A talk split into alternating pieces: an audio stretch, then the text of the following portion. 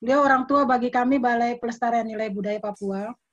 Ya, uh, Bapak Ibu yang terhormat, kami Balai Pelestarian Nilai Budaya Papua sangat mendukung kegiatan yang berhubungan dengan kebudayaan. Apalagi untuk menggali potensi-potensi lokal yang ada, di antaranya adalah pertanyaan yang sering ditanyakan tentang perempuan Papua. Apa peran mereka? Seperti itu.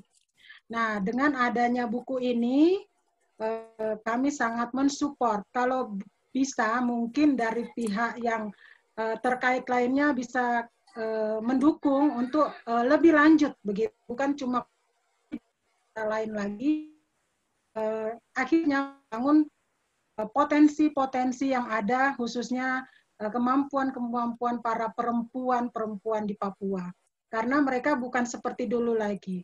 Mereka merupakan orang-orang uh, yang uh, mendidik anak Papua yang sekarang sudah banyak menjadi orang. Nah, tetapi belum terjangkau semua, sehingga perlu adanya penelitian-penelitian lebih lanjut dan dukungan dari uh, ya pihak-pihak yang terkait yang punya uh, kebijakan untuk itu. Mungkin itu saja. Terima kasih Budian. Terima kasih teman-teman. Saya apresiasi sekali karena ini membantu pemerintah dalam hal uh, kebijakan selanjutnya untuk daerah-daerah dimaksud. Terima kasih. Uh, baik, Ibu Desi, terima kasih banyak sudah berkenan memberikan kata sambutan. Terima kasih banyak. Uh, ini sembari satu demi satu peserta tergabung. Saya akan memberi ini ya sedikit overview webinar gitu ya. Uh, webinar ini membedah buku yang ditulis oleh Ridian Yasminta Wasaraka ya Ya, jadi judulnya Perempuan Perkasa, Praktik Kesetaraan dan Budaya Suku Korowai. Ini kurang lebih bukunya. Nah, buku ini setelah diluncurkan begitu, dirilis dan dibedah di beberapa tempat selama 2019-2020, ini telah banyak memancing keingintahuan banyak pihak tentang Korowai itu sendiri dan keunikan budayanya. Buku ini juga memperlihatkan persoalan uh, tentang kesalahpahaman orang ya dalam hal ini disebutkan bahwa ini orang kota tentang suku Korowa yang justru hal itu memiskinkan nilai-nilai dalam budaya yang budaya mereka yang uh, di buku tersebut kita tahu bahwa itu sangat kaya gitu ya. Nah, sehingga kurang lebih dalam diskusi ini kita akan membahas apa yang melatar belakangi uh, Kak Dian nanti melakukan penelitian terus bagaimana proses selama meneliti hingga mendapatkan data-data yang valid di lapangan. Apalagi uh, seperti yang kita tahu uh, tidak banyak referensi tentang suku Korowa yang bisa digunakan untuk menulis. Ya. Dan yang penting adalah bagaimana kemudian mencari dukungan dana untuk bisa melakukan penelitian yang yang ini ya cukup memakan banyak biaya. Nah, apalagi kalau kita lihat ini ya kalau terkait gender dan kesetaraan uh, ini di Papua kalau kita lihat beberapa bulan satu dua bulan kemarin sempat ada ini ya ada polemik hangat di media sosial ada yang menulis di Facebook dan kemudian ini memancing perdebatan atau diskusi yang cukup menarik terkait bagaimana memandang perempuan Papua. Saya pikir itu uh, awalannya saya sebelum kepada narasumber saya izin uh, izinkan saya membaca biografi narasumber secara singkat saja biar tidak lama.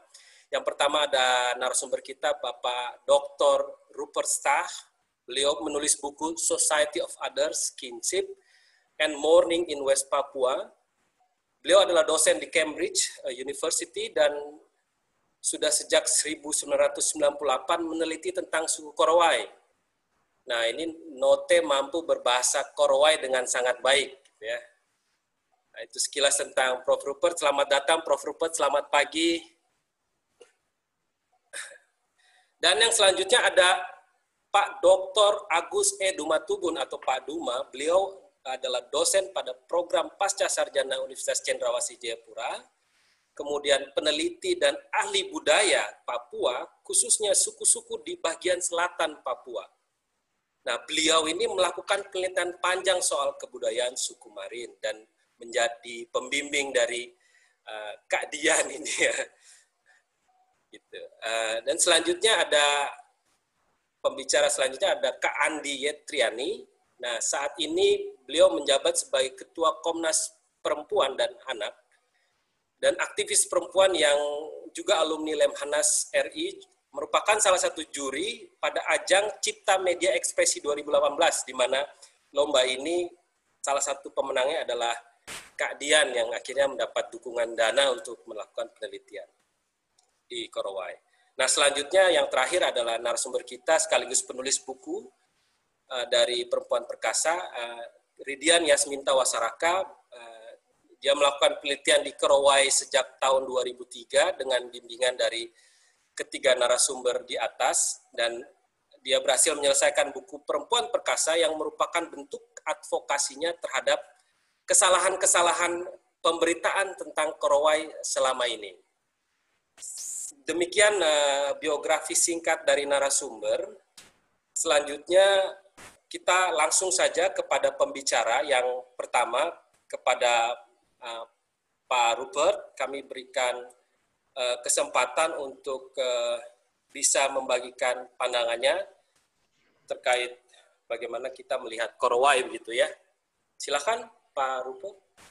Oke, baik. Ya, terima kasih. Uh, saya berterima kasih atas kesempatan ini berbicara bersama saudara-saudara di Papua, Jakarta, atau tempat lain masing-masing. Uh, dari jangkau jauh dan pada zaman penuh dengan kesulitan ini. Uh, saya akan bicara pendek dan garis-garis sangat umum aja. Uh, saya sangat berbahagia mengucapkan selamat kepada Ibu Dian dan siapa lain yang pernah masuk tangan supaya buku berjudul Perempuan Perkasa bisa dijadikan. Menurut saya yang paling penting dan paling berharga dalam buku ini adalah kalau dibandingkan dengan siaran televisi tentang Korowai yang sering diketemui di negara-negara barat, buku ini berdasarkan usaha Ibu Dian merendahkan diri kepada pembicaraan dan keadaan yang sebenarnya dalam hidup orang Korowai sendiri. Maksudnya, saudara-saudara kita di Korowai ikut pola hidup sangat kompleks, penuh dengan keanekaragaman, berbeda jauh dari stereotip atau bayangan palsu yang beredar dalam media massa dan beredar antara penduduk daerah perkotaan secara umum. Apalagi kalau soal perubahan budaya dan politik, bukan di Korowai saja, tapi di seluruh daerah perdesaan di Papua pada saat ini, rata perubahan sangat tinggi. Hidup generasi muda orang Korowai pada saat ini sangat berbeda daripada hidup orang tuanya 10 atau 20 tahun lalu sangat penting bahwa keadaan hidup yang sebenarnya bisa teliti dengan mata dan telinga terang dan diumumkan dalam bentuk bahan seperti buku Ibu Dian. Dalam menurut saya dalam proses perubahan ini soal kesetaraan dan pindasan tambah kepentingan lagi termasuk posisi dan peran perempuan. Boleh sebut gawat soal ini. Uh, jadi pembicaraan saya pendek di muka acara ini tidak begitu berisi, cuma sekali lagi saya mengucapkan selamat kepada Ibu Dian dan pendukung-pendukung atas buku menarik ini. Terima kasih. Baik, uh, terima kasih uh, Prof. Rupert. Ya, ini menjadi pengantar singkat dari Prof. Rupert melihat uh, memberikan gambaran tentang bagaimana melihat Korowai, gitu ya. Nah, selanjutnya ini harusnya Mbak Andi ya, Kak Andi, tapi sepertinya beliau belum ad, belum hadir ini di diskusi kita. Mungkin bisa langsung ke Pak Duma. Oke, bisa. Ah, silakan Bapak, waktu dan tempat kami persilakan. Oke, terima kasih. Uh, saya minta maaf sekali karena ini apa? Kita dalam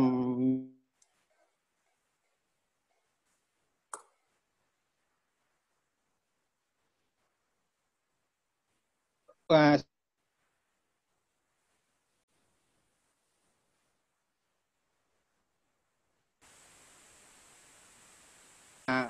saya anggap untuk buku yang ditulis oleh Dian ini yang pertama kali yang disusun baik sekali ya untuk mengangkat masalah perempuan. Tetapi ada persoalan-persoalan yang mendasar sekali yang sebetulnya kita harus menjawab karena orang selalu bilang Kenapa perempuan Papua kok disengsarakan? Kenapa mereka selalu hidup dalam kekerasan?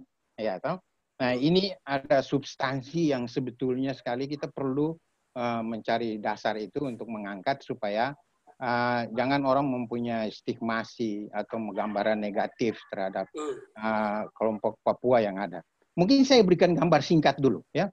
Gambar singkat jadi kenapa sampai ada kata istilah primordial masuk ya ya mereka bicara tentang uh, bagaimana budaya atau nilai kekerasan, nilai menguasa dominan dari laki-laki ke perempuan itu lahir.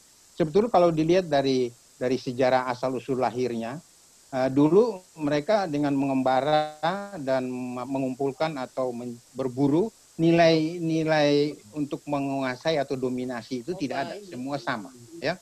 Tetapi mulai berubah dalam tatanan merubah dalam tatanan uh, mata pencarian mulai menetap, di situ lahirlah satu eksistensi bagaimana mereka harus mengatur mekanisme sosial. Ya, nah mulai ada laki-laki yang mengawasi perempuan dan perempuan dia harus mengerjakan sesuatu. Di situlah mulai nilai itu lahir sebetulnya. Ya, patriarki dia mulai lahir sehingga dia berturut secara adat dia berkembang terus dan diturun temurun diberikan ke generasi berikut sampai sekarang dia melahirkan. Tetapi itu bukan dasar substansi yang dia tidak bisa berubah sebetulnya. Ya, tatanan nilai itu dia bisa berubah apabila uh, satu budaya itu dia mengalami perubahan. Pada dekade itu, ya, masyarakat memang tidak bisa membuat apa-apa. Ya, pada waktu pertanian dibuat, dia harus di, misalnya kita bicara tentang di Sungai Efrat dan Tigris yang terjadi di Sungai Nil dulu terjadi pertanian yang intensif mulai situ mereka mulai mekanisasi terjadi. Maka dari itu pekerjaan perempuan yang mana dan laki-laki yang mana ya. Nah ini karena perempuan tidak bisa membajak itu diganti alih oleh laki-laki yang punya uh, power punya kekuatan dan bisa mengerjakan pekerjaan yang lebih keras ya. Sehingga ini dia jadi tatanan nilai yang memang lahir terus menerus dari generasi generasi akhirnya itu jadi satu sistem. Nah, tapi sistem ini dia bisa berubah. Kenapa dia bisa berubah? Teknologi itu bisa merubah semuanya. Ya.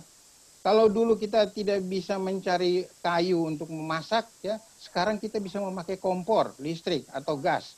Nah, kondisi yang demikian dia bisa merubah satu sistem yang yang memang kita bilang patriarki itu kuat sekali di Papua. Dia ya. Jadi Eh, realnya itu ya di Papua itu selalu mereka bilang kayak gitu dominasi laki-laki menguasai perempuan ya toh. Akhirnya kekerasan dia muncul terus dan apa tetapi itu sebetulnya bukan letaknya dalam konteks yang itu nah kalau dia mengalami pergeseran perempuan sudah mulai banyak mengalami pendidikan yang tinggi laki-laki dalam rumah tangga itu sudah bisa mengisi kekurangan-kekurangan untuk kebutuhan domestik ya diganti alihnya dia dengan teknologi saya kira posisi perempuan dia akan dengan sendirinya akan naik. Dia akan naik. Dia akan posisi itu akan naik. Ya. Nah, ini kelihatan sekali uh, di kalangan perempuan Papua yang berpendidikan sekarang banyak yang sudah mulai memposisikan diri dalam uh, dalam ranah adat juga dia berani untuk duduk dan berani untuk di lini pemerintah duduk untuk itu dan dan ini sebetulnya uh, hal yang yang perlu kita kaji dia untuk melihat. Jadi dekade perempuan pada zaman dulu, ya, Pak Rupert tadi bilang 20 tahun yang lalu, sekarang itu berbeda. ya Itu berbeda sekali. Dan Korowai, saya satu tahun itu di, di Bovendigul, ya hampir dua tahun berpulang-pulang pergi meneliti tentang suku-suku di di Bovendigul. Salah satu Korowai dan Kombai ini juga, itu jadi stressing saya untuk melihat kenapa sampai uh, ini kok dibilangnya orang Korowai itu sangat terbelakang dan apa. Ternyata tidak. Saya punya mahasiswa Korowai itu sudah ada yang S2.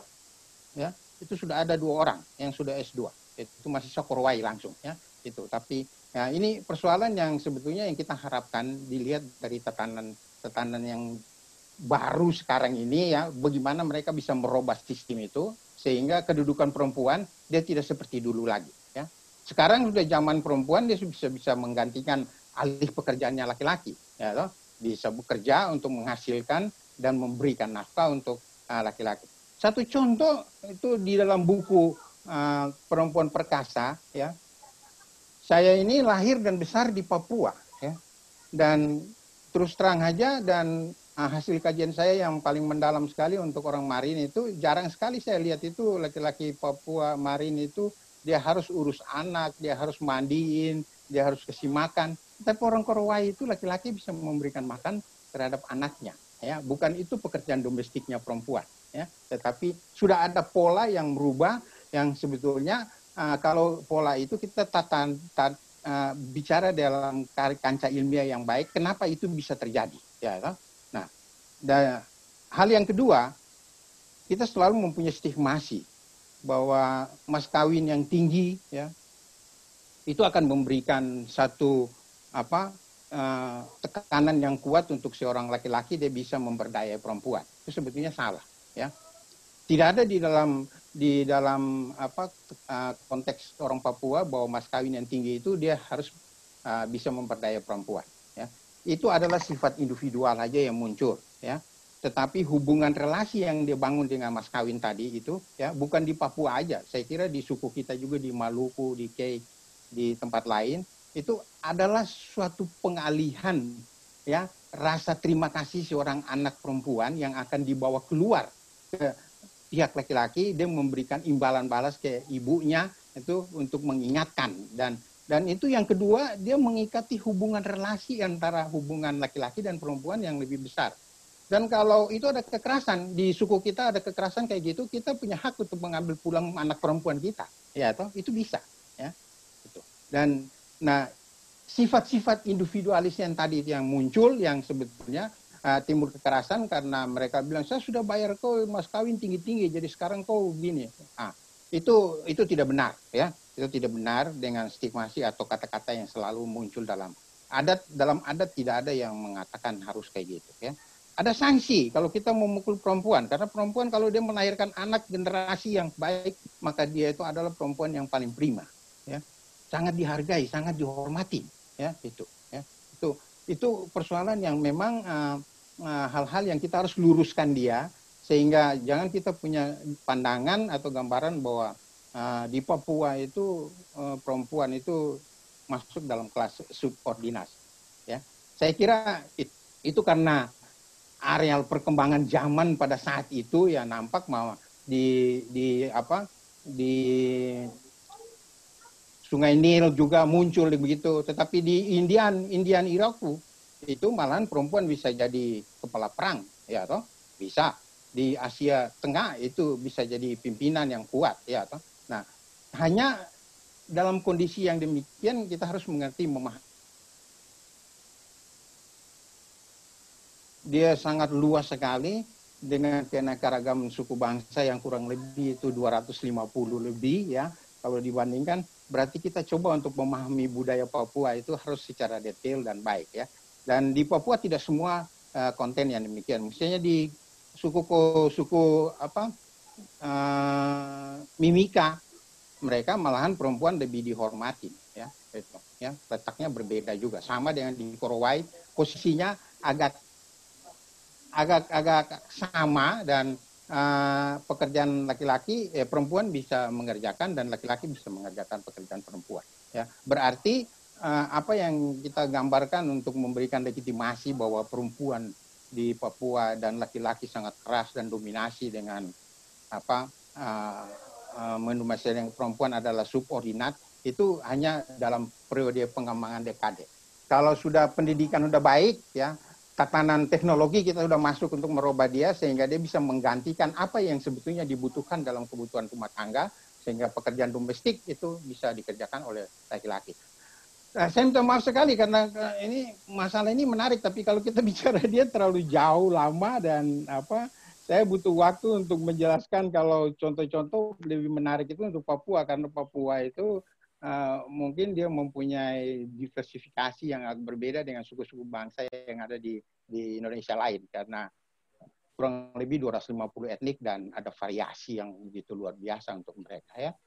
Dan terakhir uh, saya sudah pernah bicarakan ini juga dah, dalam seminar dengan teman-teman dari Papua Nugini, perempuan Papua Nugini juga mereka bertanya tentang perempuan Papua kayak apa, ya, dan saya jelaskan posisinya terletaknya hanya bagaimana kita memahami nilai itu secara baik.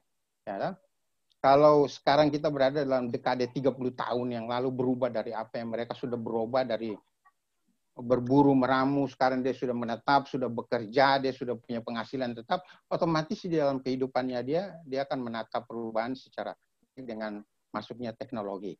Kalau teknologi sudah masuk baik bisa mengganti pekerjaan-pekerjaan yang dulunya mereka takut dan tidak bisa dilaksanakan. Ya, itu itu apa uh, substansi yang sebetulnya mungkin kita lihat. Jadi uh, menariknya mungkin dalam buku ini nanti Dian akan kembangkan dia lagi. Coba dipilah dia dalam dekade perkembangan perempuan.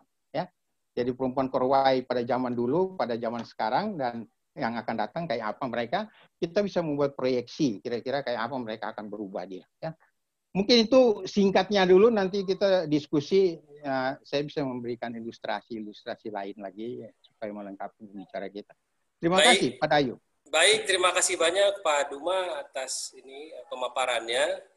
Eh, saya pikir kita akan langsung saja ke Dian untuk kemudian memberi pemaparannya supaya nanti waktu diskusinya jadi lebih panjang. Seperti yang tadi disampaikan Pak Duma, jadi biar diskusinya jadi panjang. Baik, uh, selanjutnya kita akan ke ini karena Mbak Andi tidak ada, kita langsung ke Kak Dian Wasaraka ya. Uh, Dian.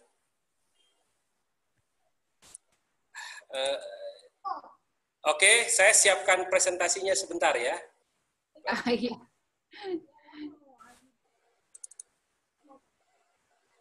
Oke. Okay.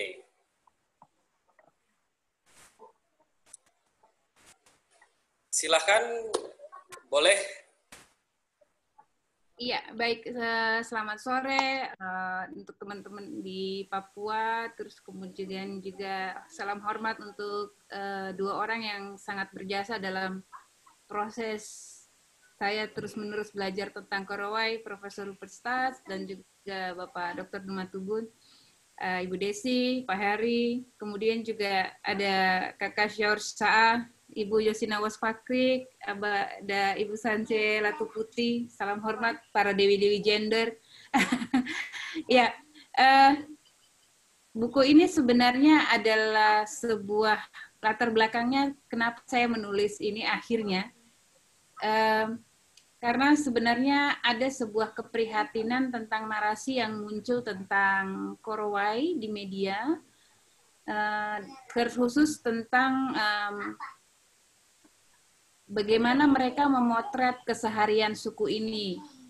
Kemudian ada, saya lihat seperti bentuk eksploitasi yang dilebih-lebihkan untuk kemudian um, beberapa pihak seperti mengambil keuntungan dari narasi yang uh, menempatkan orang Korowai, terutama perempuannya itu dalam posisi uh, marginal ya awalnya sebenarnya ketika saya mulai menulis blog, terus kemudian saya iseng-iseng melihat kata kunci yang dipakai untuk mencari uh, referensi tentang Korowai itu adalah uh, orang Papua barbar, orang Papua telanjang, seperti itu. Dan saya seperti terganggu dengan narasi-narasi yang membuat seolah-olah uh, Papua itu apa ya tidak saya agak bingung mencari padanan kata yang tepat. Seperti Papua itu seolah-olah tidak berbudaya, padahal eh, saya belajar banyak dari Pak Rupert bahwa eh, apa pun bentuk budaya seseorang itu sebenarnya adalah eh, sesuatu yang baik, pasti ada nilai positif di dalam dalam kebudayaan mereka. Nah, ini kalau kita mengetik kata korowai, maka yang muncul di internet itu seperti ini kurang lebih mereka akan mengkaitkan Korowai dengan cerita kanibal, mereka akan mengkaitkan Korowai dengan gambar-gambar yang um, sampai sekarang itu banyak kita temui di di internet seperti itu. Nah, kemudian um, ini wajar karena uh, kenapa um, narasi-narasi tentang Korowai itu sangat sulit ditemui kecuali yang ditulis sama Pak Rupert yang betul-betul memang hasil penelitian selama bertahun-tahun. Uh, mohon izin sebenarnya dari tahun 95 ya uh, Prof ya sudah ke sana. Jadi uh, itu karena memang letaknya yang sangat remote. Jauh sekali. Jadi kalau ke Korowai itu katakanlah saya dari Jayapura, saya harus ke Tanah Merah dulu, dari Tanah Merah baru saya ke Danuwage. Nah, Danuwage itu sebenarnya belum Korowai. Kenapa saya katakan belum Korowai? Karena ini sebenarnya baik Danuwage, Abigomage, Waina, Sinimburu, Yafufla, dan nama-nama kampung yang ada di dalam peta ini uh, terutama Yani Rumah itu adalah kampung-kampung yang dibuat oleh uh, para misionaris dan pemerintah Indonesia sebenarnya untuk memudahkan pelayanan dan di dalam kampung-kampung itu bukan murni orang Korowai.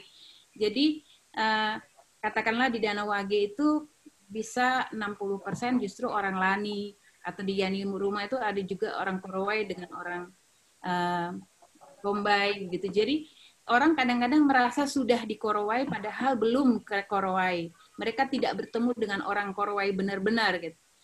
Eh, nah, akhirnya data-data yang muncul itu eh, atau tulisan-tulisan yang muncul itu justru tulisan-tulisan yang salah kaprah.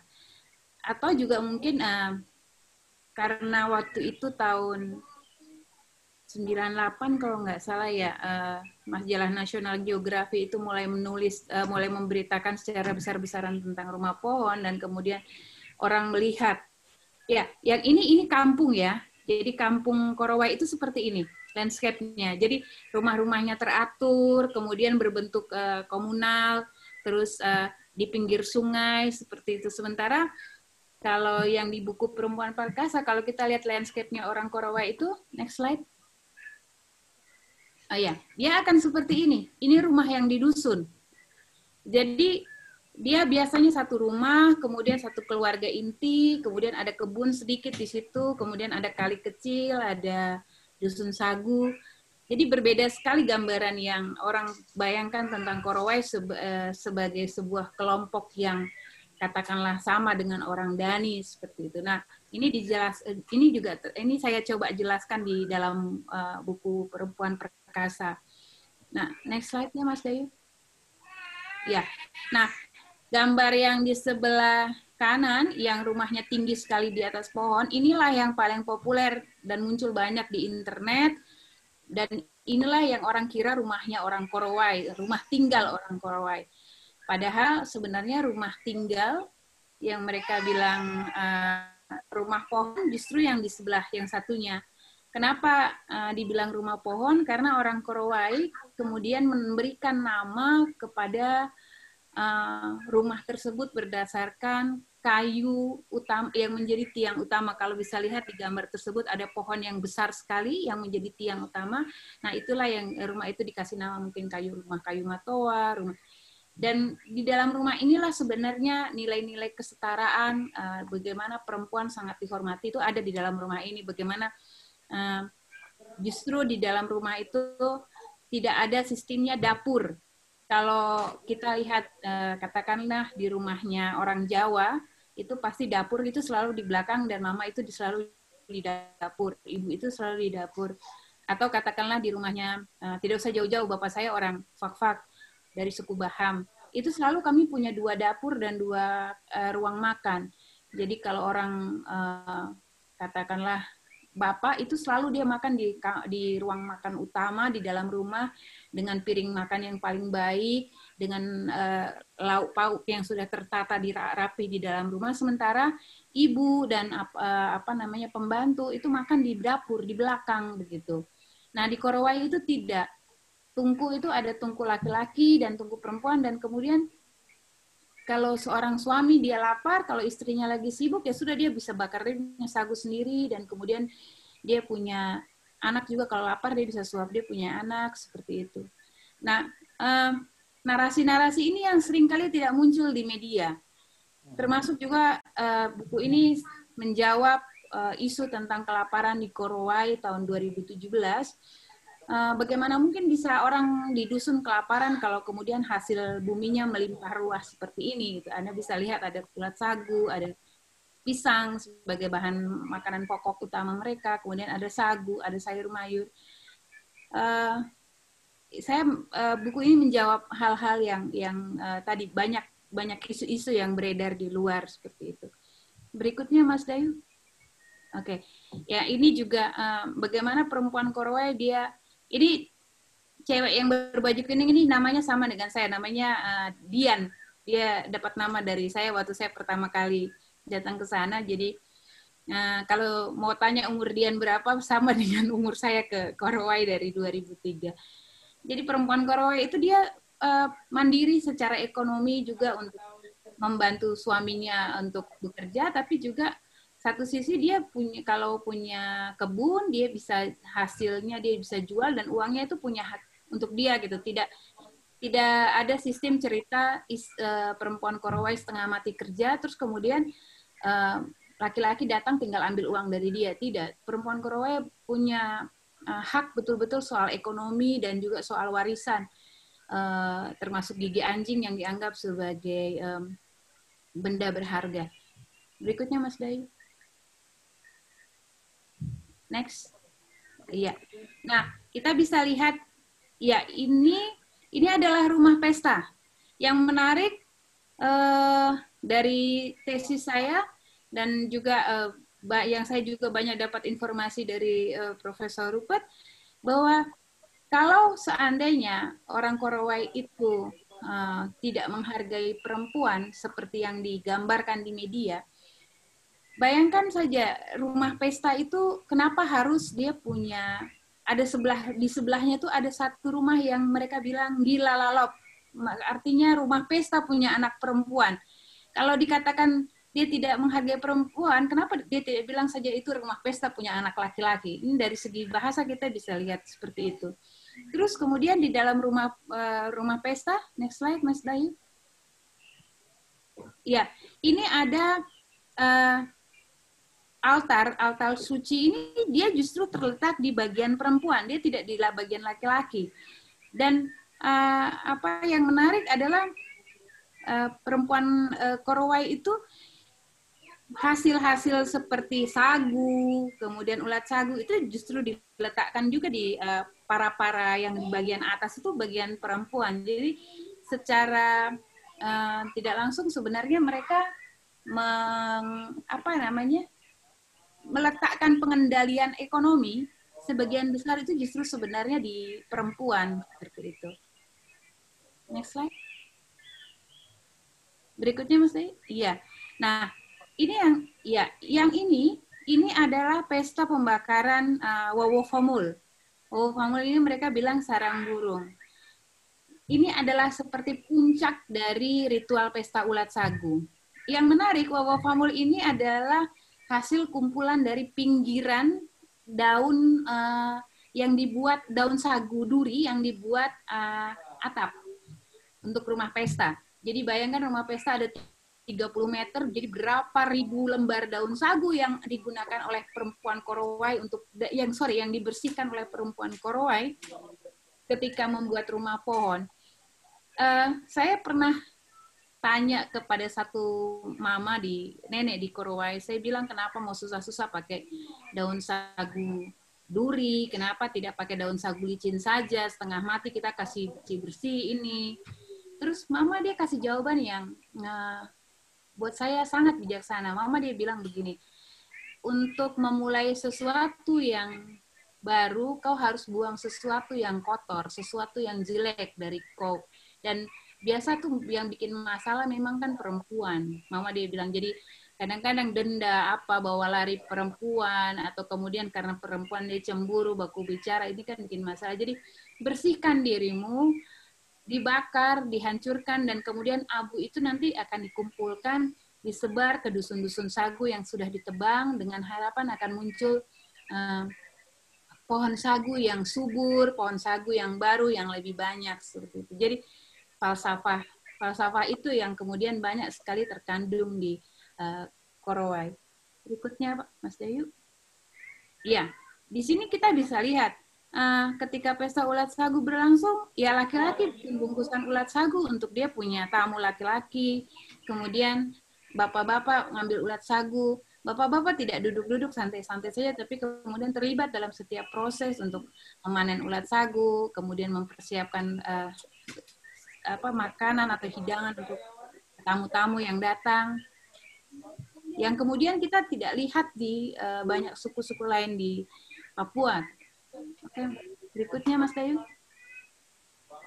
Iya, ini kita lihat uh, sama-sama bapak-bapak tidak segan-segan uh, masak.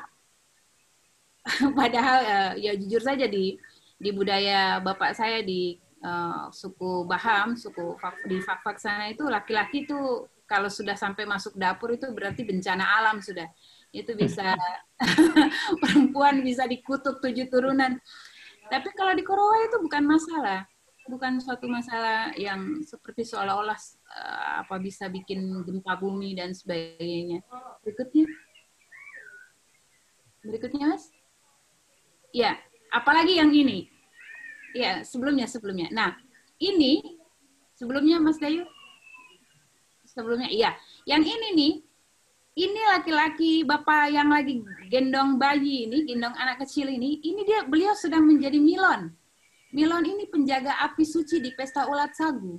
Bisa bayangkan dia sedang memimpin sebuah ritual yang sangat penting dalam uh, proses pesta ulat sagu yang kemudian jika uh, bapak ini dia gagal dalam proses ritualnya, ini nanti bisa satu klan itu marah besar uh, dan bisa seperti dianggap sial. Tapi dalam kesibukannya sebagai sosok Milon yang menjaga api suci di pesta ulat sagu, bapak ini dia bisa sambil masak buat anaknya makan gitu.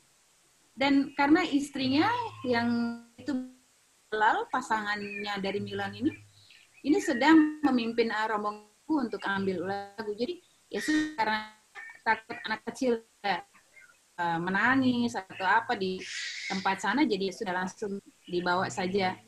Uh, anak kecil ini tinggal di dengan bapak terus bapak masak untuk dia makan. Hal yang uh, saya rasa aduh tidak bisa kita lihat di suku yang lain ya. Luar biasa sekali. Saya bisa dapat momen foto ini buat saya saya aduh saya senang sekali terakhir kali ke Korowai berikutnya iya ini uh, uh, Milonelal jadi jadi selalu ada dua ada Milon dan Milonelal kalau uh, Pak Rupert menjelaskan bahwa Milon ini uh, artinya kau lakukan duluan. Jadi uh, Milon itu dia selalu memberikan contoh, baru kemudian uh, uh, prosesnya selanjutnya diikuti oleh uh, yang lain. Uh, kalau orang Islam tuh kayak orang sholat berjamaah, jadi imam sholat duluan, kemudian uh, apa namanya uh, aku belakang seperti itu ya Mas Iya, ini uh, kita bisa lihat uh, kedudukan tiang dan juga kedudukan laki-laki dan perempuan di dalam rumah pesta itu sejajar. Jadi orang Korowai itu membagi rumah rumah pohon itu pohon dan rumah pesta itu bukan depan belakang tapi timur dan barat. Timur itu untuk laki-laki dan barat itu untuk perempuan. Ya. Berikutnya. berikutnya berikut lagi iya ini juga uh, kita bisa lihat uh, seorang ayah mengasuh anak ketika uh, ibunya sedang memasak tidak ada keberatan seorang laki-laki harus menggendong bayinya dengan menggunakan kain. Ini pemandangan yang sangat biasa sekali di Korowai berikutnya Mas Dayu. Iya uh, perempuan Korowai juga bisa memiliki hartanya sendiri. Ada gigi anjing yang dianggap sebagai uh, benda berharga di Korowai. Kemudian mereka juga punya hak untuk mengelola ekonomi secara um, pribadi dan memiliki akses terhadap hak warisan dan itu tidak akan hilang karena hanya karena dia menikah dengan laki-laki dari fam lain. Yang berikutnya.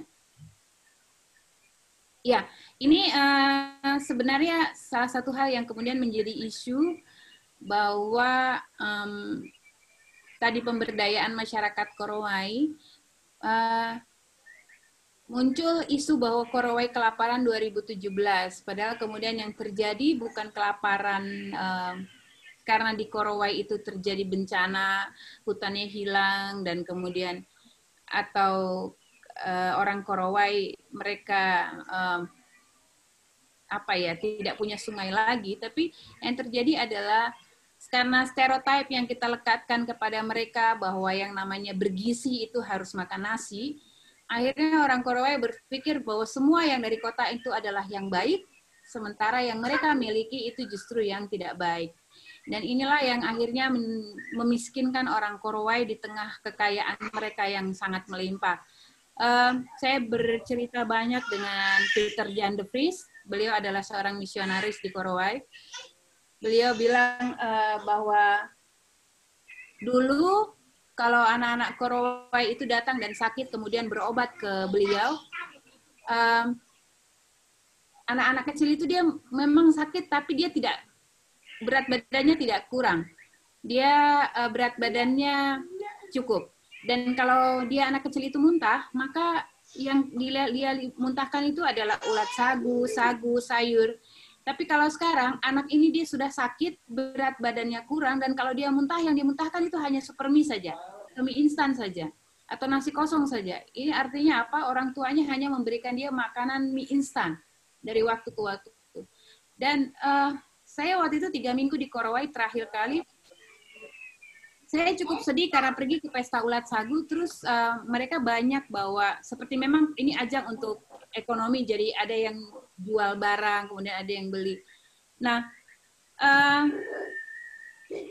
ada satu bapak yang kemudian dia bawa mie instan itu sekitar empat karton dan hanya dalam waktu 30 menit tiga karton mie instan itu habis laku terjual, padahal dengan harga yang sangat mahal.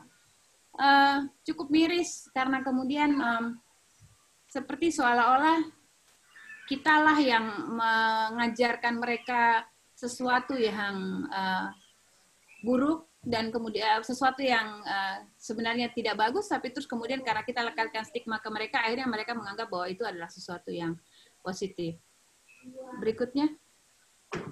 Iya, uh, ini adalah uh, konsesi sawit yang um, entah bagaimana mereka bisa masuk ke wilayah Korowai dan sudah keluar petanya. Yang uh, menyedihkan adalah uh, hasil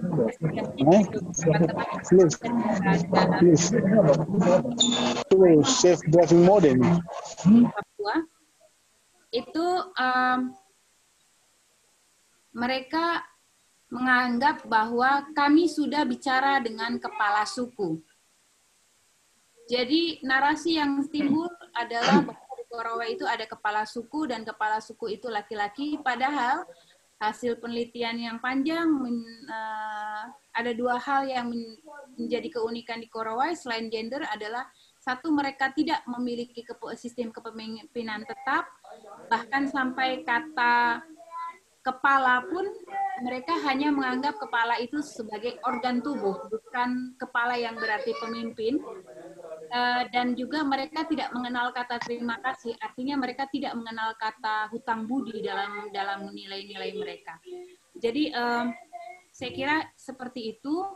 Eh, nanti eh, pertanyaan bukan hanya kepada saya, ada di sini juga para pakar, terutama Pak Rupet, kemudian juga ada Pak Dumatubun. Eh, kita mari diskusikan ini bersama-sama. Ini forum kita bersama. Itu saja. Terima kasih. Assalamualaikum warahmatullahi wabarakatuh. Mas Dayu, waktu saya kembalikan. Ya. Baik, uh, terima kasih banyak ke Kadian yang sudah berkenan ini ya membagikan sedikit cerita tentang bukunya yang saya lihat menarik sekali gitu ya kita bisa dapat gambaran bagaimana eh, laki-laki di Korowai sangat apa berperan penting dalam ini ya proses uh, do, uh, domestik ya kerja-kerja domestik gitu ya dia setara dengan artinya perempuannya setara dengan lelaki. Baik, uh, ini demikian pemaparan dari para narasumber. Uh, sekarang kita buka sesi pertanyaan, tapi sebelum sesi pertanyaan tadi Pak Rupert ada raise hand ya, Prof. Rupert. Terima kasih. Ya, uh, ya ini uh, soal kecil saja, tapi kalau boleh saya harap uh, sumbang dengan uh, pembicaraan Pak Dumatubung tadi yang cukup penting. Uh, ya dari segi apa pengalaman saya sendiri dalam penelitian di Korowai khusus kasih apa uh, ya pengalaman yang cukup menarik buat saya ya uh, maksudnya saya selama 20 tahun uh, tidak sadar uh, salah satu sumber dominasi antara laki-laki dan perempuan di Korowai yang sebenarnya ada di depan muka saya, tapi saya tidak sadar sebagai peneliti uh, laki-laki. Uh, Dan itu apa perasaan dalam atau emosi. Maksudnya ya seperti Dian cerita tadi tidak sama sekali tidak ada pemimpinan, pro, peran pemimpinan di Korowai, tapi jelas ada apa sistem pengaruh. Maksudnya ada yang bicara, ada yang dengar, ada yang ya. bicara baru uh, berani bicara dan orang lain akan dengar dan mungkin mereka akan ikut pembicaraan itu atau tidak atau bagaimana. Jadi salah satu sumber uh, pola-pola dominasi adalah pembicaraan dan siapa yang berani ambil peran pembicara.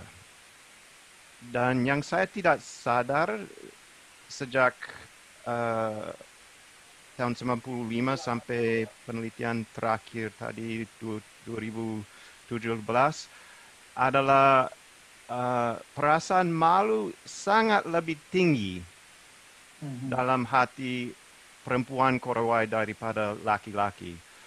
Uh, perasaan malu cukup menarik cukup penting dalam budaya orang Korowai. Tapi menurut saya sejak uh, penelitian yang baru tadi waktu saya mulai sadar bahwa perempuan sangat sensitif tentang kemaluan. Uh, ini salah satu sumber besar dominasi terikat dengan sumber fisik seperti ya boleh dapat dipukul atau dipanah atau bagaimana. Uh, tapi uh, ya uh, banyak perempuan bicarakan saya, kepada saya kalau saya mulai tanya sebenarnya kita tidak berani bicara di muka laki-laki kalau satu saja kalau dalam keluarga tidak jadi masalah tapi kalau di muka beberapa orang termasuk adik kakak sendiri ada yang bilang saya tidak berani buka mulut di depan adik atau kakak saya sendiri. Uh, apalagi uh, uh, dalam di depan orang dari tempat lain seperti gabung di pesta atau bagaimana. Dan ini makin lama makin penting karena sekarang ini sudah mulai peran resmi pemimpinan dan pada umum perempuan tidak tidak muncul sebagai uh, kepala desa atau uh, dalam peran resmi pemimpinan. Jadi ya ini soal kecil saja, tapi khusus Korowai saya bilang saya saya pikir soal apa uh, emosi, pola-pola emosi yang didalamkan sejak kecil dalam hidup keluarga dan perbedaan antara perempuan dan laki-laki uh, dalam pola-pola emosi yang didalamkan seperti itu cukup penting juga uh, terikat secara dekat dengan pola-pola uh, fisik atau uh, uh, cara cari hidup cukup penting. Jadi itu salah satu apa pengalaman kecil dari saya yang menyeherankan saya karena saya sama sekali tidak sadar soal itu selama 20 tahun baru tahun lalu baru saya mulai sadar bahwa sebenarnya pengalaman perempuan sangat apa dipengaruhi oleh oleh pola-pola emosi itu. Itu saja. Uh, baik, Prof. Rupert, terima kasih banyak. Ini tambahan insight-nya ya. Ada terkait dua pola ya, bagaimana secara fisik, kemudian ada pola-pola emosi atau didikan dari orang tua yang kemudian terpengaruh kepada perempuan. Nah, ini kebetulan sudah hadir juga um, Mbak Andi yang baru gabung. Uh, mungkin langsung saja kami persilahkan kepada Kak Andi. Baik, uh, pertama-tama saya mohon maaf sekali karena baru bisa bergabung ini hari Sabtu Minggu sejak mulai uh, pembatasan berskala eh, sosial berskala besar ini Komnas Perempuan aktivitasnya di Sabtu Minggu luar biasa. Jadi mulai dari dari pagi dan baru bisa bergabung sekarang. Dan saya sebenarnya sangat khawatir karena langsung disuruh bicara, takut mengulang yang sudah disampaikan. Um, tapi perkenankan saya memulai dengan mengucapkan terima kasih atas undangan ini. Selamat sore, salam sehat dan juga salam Nusantara untuk kita semuanya. Saya eh, beruntung karena sebelum bergabung kembali ke Komnas Perempuan, eh, saya berjumpa dengan Kak Dian eh, Wasaraka dalam konteks pengembangan cipta media ekspresi, sebuah eh, upaya untuk mendukung kepemimpinan perempuan di dalam bidang seni dan budaya dan uh, waktu itu saya ingat kami dari juri berlima itu begitu terpesona dengan paparan beliau tentang pentingnya riset mengenai korowai ini uh, dan bahkan sempat bilang ya sudah kalau tidak dikasih uangnya nanti saya pasti pikirkan caranya untuk pergi ke sana sendiri begitu. Kita sampai wah ini nekat sekali ya gitu.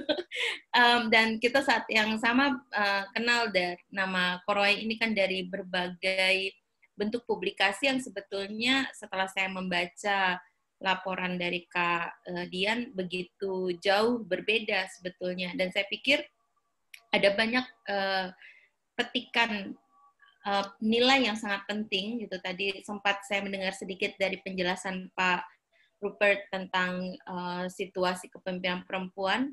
Dan juga saat yang bersamaan saya ingat kami berdiskusi tentang bagaimana sebetulnya perempuan Korowai memaknai juga otonomi atas tubuh dan dirinya, uh, dan juga tentang uh, hak uh, privasi yang mereka ajarkan sejak dari usia dini. Nah, saya pikir naskah yang dimiliki dalam hal ini laporannya Kak Dian gitu dan juga praktik yang ada di dalam di dalam Korowai sendiri semestinya bisa membantu lebih banyak orang memahami arti uh, apa hak asasi dan hak asasi perempuan di dalam konteks hak atas budaya.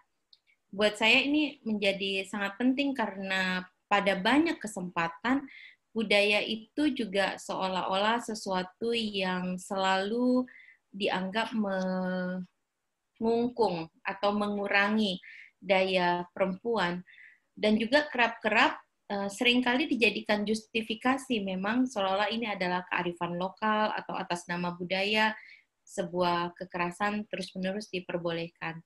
Tetapi dari uh, praktik hidup dan mungkin spiritualitas saudara-saudara kita yang di Korowai, kita bisa belajar banyak sekali tentang makna keadilan dan kesetaraan dan praktik demokrasi itu yang bahkan ketika dia diturunkan dalam pola uh, demokrasi saat ini ya. Kita lihat di masa pemilu dan pemilu kada di mana kemudian menggunakan kata bahwa karena Papua berbeda kemudian praktiknya kira yang berbeda dari temuan yang ada di uh, Korowai misalnya saya pikir dia penting untuk menjadi catatan kritik dan refleksi bukan saja pada uh, apa penyelenggara penyelenggara-penyelenggara uh, sistem yang ada di dalam uh, mekanisme tata kelola pemerintahan dan pemilu di Indonesia, tetapi dari seluruh cara membayangkan bagaimana sebetulnya Indonesia harusnya berinteraksi dengan masyarakat-masyarakat adat yang sampai saat ini juga masih terkontestasi. Uh, perkenalkan bahwa di Komnas Perempuan atau Komisi Nasional Anti Kekerasan Terhadap Perempuan, isu budaya memang menjadi salah satu hal yang kami uh, fokuskan. Komisi Nasional Anti Kekerasan Terhadap Perempuan adalah sebuah lembaga negara yang dibangun memang pasca tragedi Mei 98. Di mana kita tahu bahwa pada saat kerusuhan Mei 98 terjadi uh,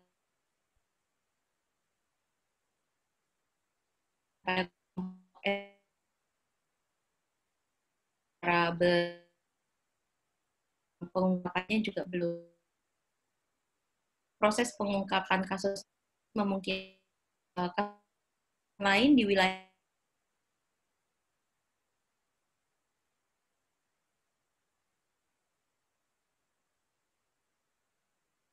Papua, Timur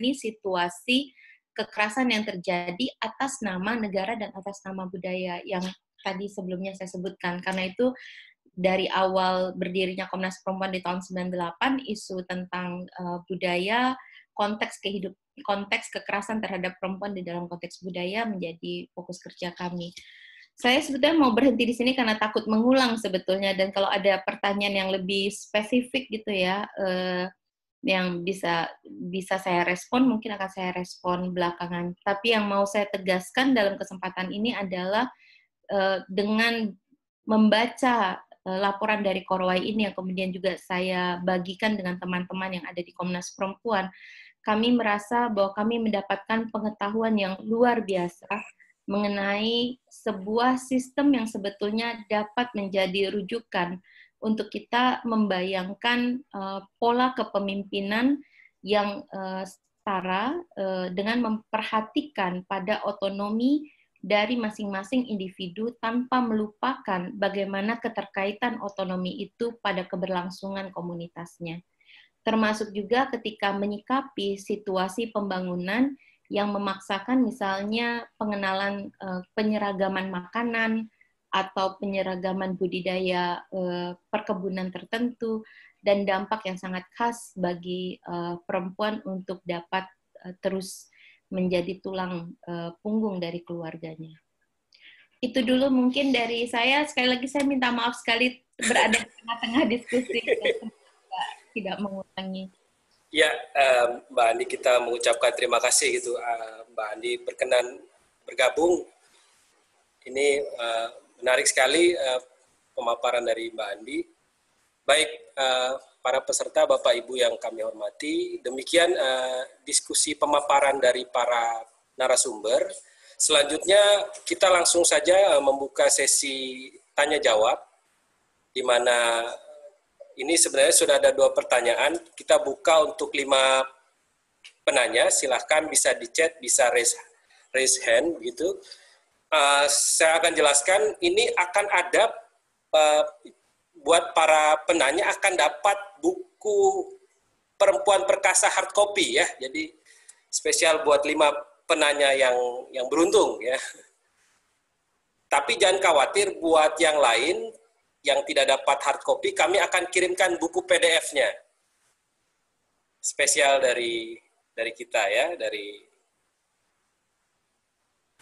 Baik. Ya, demikian mungkin ada pertanyaan. Ini saya akan memberikan pertanyaan dulu. Ini dari dari Pak Heri. Pak Heri Saksono, beliau bertanya, apakah kita terpikir untuk membuat makanan instan juga sebagai inovasi pangan yang berasal dari kearifan lokal, eh, kekayaan sumber daya lokal gitu ya, misalkan dari sagu. Itu pertanyaan pertama ya, nanti bisa dijawab oleh para narasumber. Terus kemudian yang kedua, ada pertanyaan dari Alam Syah, apakah dana desa menyentuh masyarakat Korowai? Jadi apakah pemanfaatan dana desa itu menyentuh masyarakat di Korowai? Ini mungkin ke ke Kadian, kemudian Prof. Rupert yang juga sudah ke Korowai. Saya pikir itu dua pertanyaan pembuka. Oh, ini ada Pak Hari ya, eh, bisa langsung saja juga nih Pak Hari bisa di. Boleh Pak Hari? Pak Heri? Baik. Ya, terima kasih. Selamat pagi Prof. Rupert di Inggris, uh, Prof. Agapitus Lima Tubun yang saya hormati, Bu Desi dan Mbak Yendri, Mbak Andi Yendri. Ini narasumber kita hebat dan luar biasa, saya salut. Uh, forum kita ini sudah jadi fokus group discussion nih Prof. Rupert. Jadi lebih tinggi statusnya daripada hanya sekedar bedah buku. Karena ini diskusi yang terfokus dan berbicara tentang bagaimana uh, membuat perempuan Papua menjadi semakin perkasa di era yang sudah berubah luar biasa gitu ya. Tapi perempuan Papua dia bisa eh, bagi saya perempuan Papua itu mendahului zamannya. Jadi beliau itu sudah lompat. Gitu. Ketika hari ini kita ada di era digital, eh, perempuan Papua sesungguhnya sudah menunggu di depan era digital itu. Eh, mengapa saya berani mengatakan itu? Sampai hari ini eh, peradaban tertinggi yang masih dipertahankan itu di teman-teman Papua, mereka begitu cepat untuk mengakselerasi dan beradaptasi. Konteks kemudian sangat disayangkan ketika kita tidak memberi inovasi, padahal ada sebenarnya inovasi frugal atau frugal innovation tuh, Prof. Rupert seperti tadi saya lihat foto rumah, eh, kita tetap buat rumah itu tetap di atas pohon, tetapi betul-betul sudah inovatif, rumah yang inovatif, dari bahan-bahan inovatif yang ada di lokal, dan itu besok eh, bisa membuat perempuan Papua lebih adaptif gitu dengan rumahnya itu.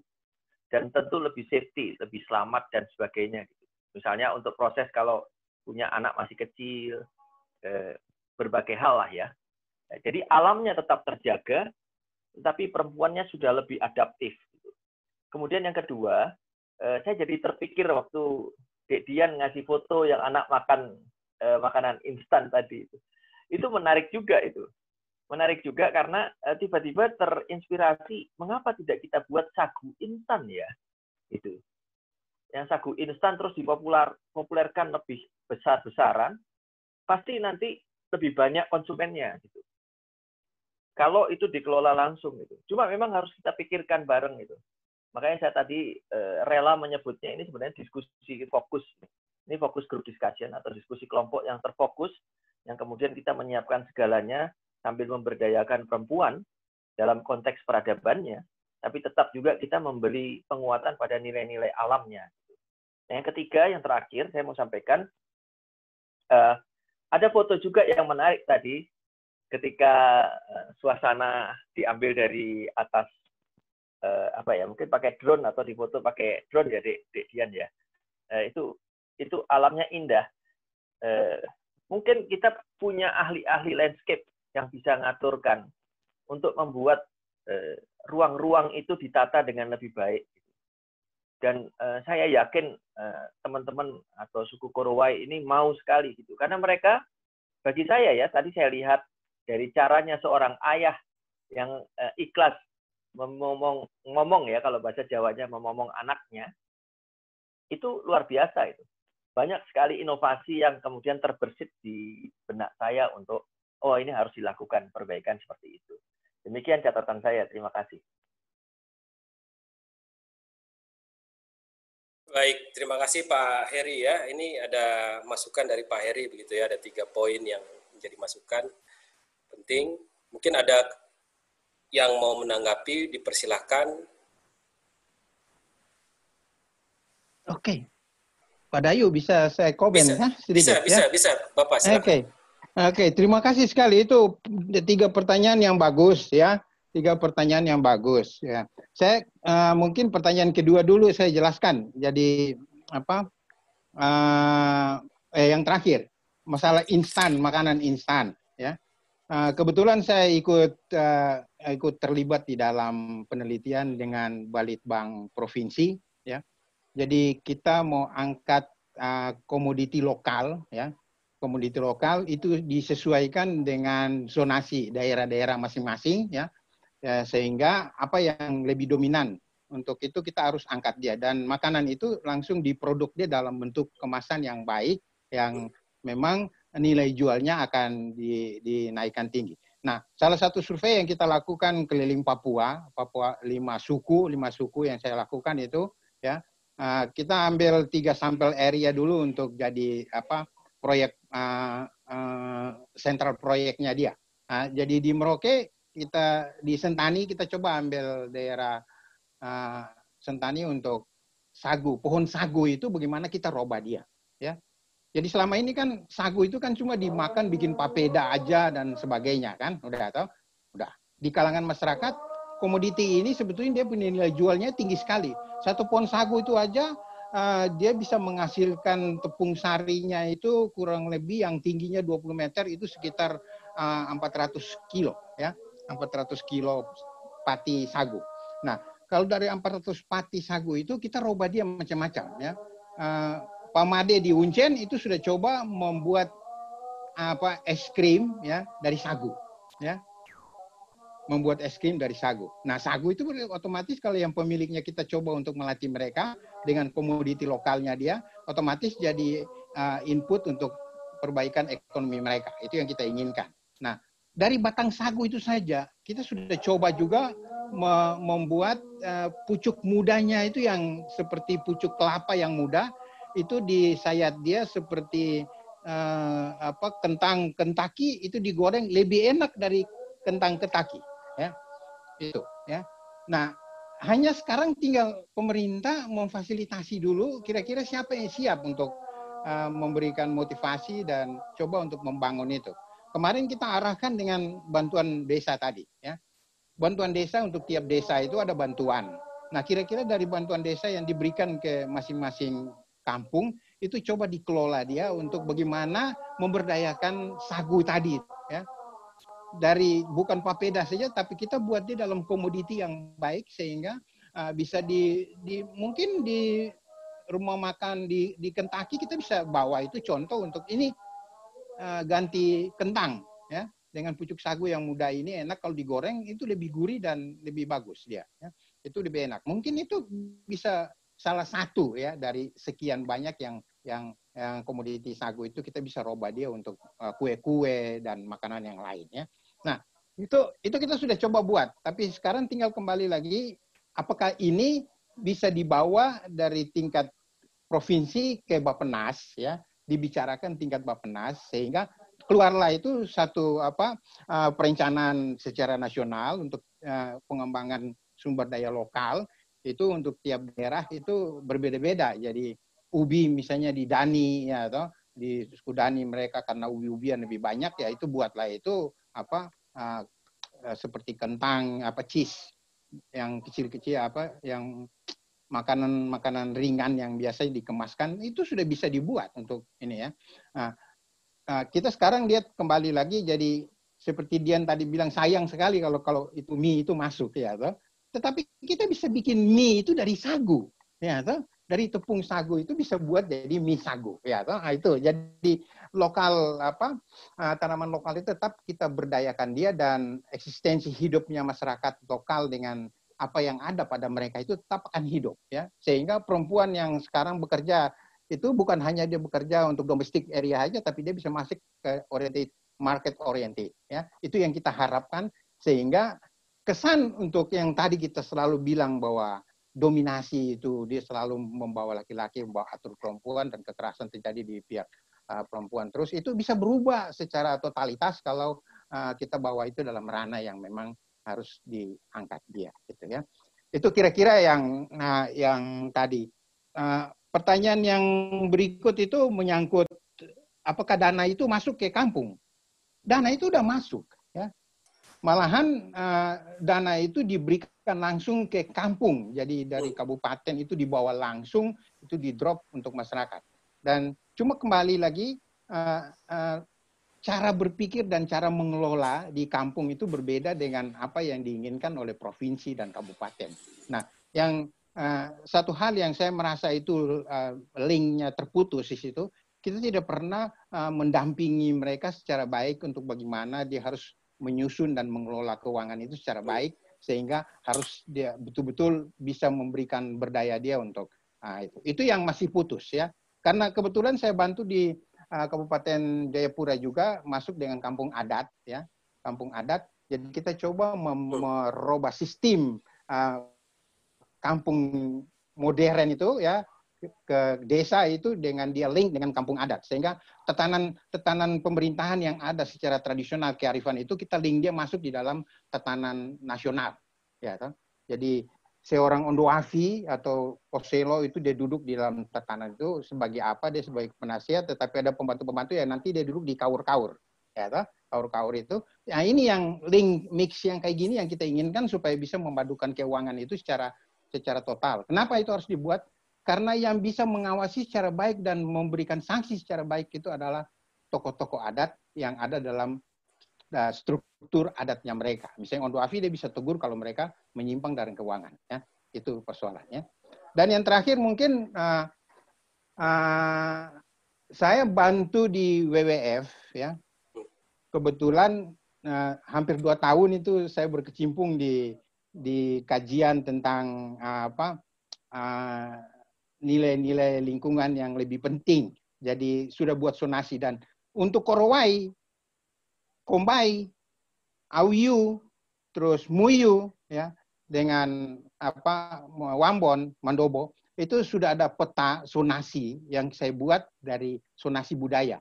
Jadi tadi Bapak tanya kenapa landscape yang ada itu kita tidak bisa buatnya dalam sonasi-sonasi. Sudah ada sonasi yang memang ini daerah yang nanti kita anggap sakral, harus kita lindungi dia. Ini daerah yang bagi masyarakat itu dia berkecimpung khusus untuk sumber mata pencarian dia mencari ikan, kayu dan sebagainya, maka itu harus kita buat dia dalam sonasi yang dilindungi. Nah, di mana sonasi-sonasi yang bisa kita buat dia dengan uh, tempat yang apa uh, objek wisata yang baik yang nanti kita kembangkan dan masyarakat yang mengelola ya kembali ke masyarakat lagi ya kembali. Jadi itu persoalan yang petanya sudah jadi selama dua tahun saya coba bantu untuk membuat kayak gitu dan sudah ada peta di masyarakat masyarakat sudah pegang peta ya untuk lima suku di Bovendigul ya itu dan untuk di Asmat juga sudah pegang peta untuk di Merauke juga sudah pegang peta kayak gitu. Jadi tinggal sekarang realisasinya dari pemerintah kira-kira bagaimana kita harus follow up apa yang kita udah kerja, ya kan? Saya kira untuk kepentingan mereka itu yang yang kita buat sehingga landscape yang indah itu bisa hanya jangan kita lihat dia dalam bentuk yang kayak gitu aja, tetapi dia bisa menghasilkan meng, apa sesuatu untuk masyarakat lokal, ya. Mungkin itu yang saya bisa tambahkan, Mas Dayu. Baik, terima kasih Pak Duma tambahannya terhadap menanggapi Pak Heri. Saya uh, sebelum ke Pak Rupert, karena Pak Rupert, Prof. Rupert sudah angkat tangan, ini saya tambahkan juga ada masukan dari Ibu Erin. Beliau menyampaikan bahwa Pak Heri di Papua sudah ada produksi mie dari sagu. Hanya proses pemberdayaannya belum optimal. Ini yang sebenarnya jadi impian kita juga agar bisa dipertimbangkan oleh pemerintah untuk memperkuat ekonomi perempuan dengan melihat potensi lokal di Papua gitu ya. Ini uh, masukan dari Ibu Ibu Erin. Kemudian mereka pernah mencoba teknologinya sagu jadi mie dan seperti beras begitu ya? Ya, sudah ada. Ya. Baik, terima kasih. Uh, sebelum kita berlanjut ke pertanyaan lain, terima kasih Pak Heri. Prof. Rupert, boleh silakan Prof. Rupert. Ini mau menanggapi mungkin? Oke, terima kasih. Ya, uh, saya hanya ulangi beberapa poin yang sudah dibicarakan Pak Dumatubun tadi. Uh, berkaitan juga dengan uh, pertanyaan ADD, saya bisa lapor da dari penelitian saya 2017 beberapa bulan di Korowai. Memang ADD sudah menentu Korowai, uh, boleh disebut sekarang zaman Deman ya ADD. Uh, garis-garis umum sejarah daerah Korowai tahun 80-an itu zaman misionaris, uh, tahun 90-an, 2000-an itu zaman demam periwisata dan sekarang sudah demam pemerintah. Demam pembekaran, demam ADD. Dalam arti hampir semua sisa keluarga-keluarga yang dulu masih tinggal di dusun, uh, kerja kebun di bawah rumah tinggi semua sudah lari ke kampung lagi sekarang dan uh, cari didaftar dalam proyek ADD uh, sehingga ya kecenderungan lepas diri dari pekerjaan kebun dan uh, dasar hidup tradisional.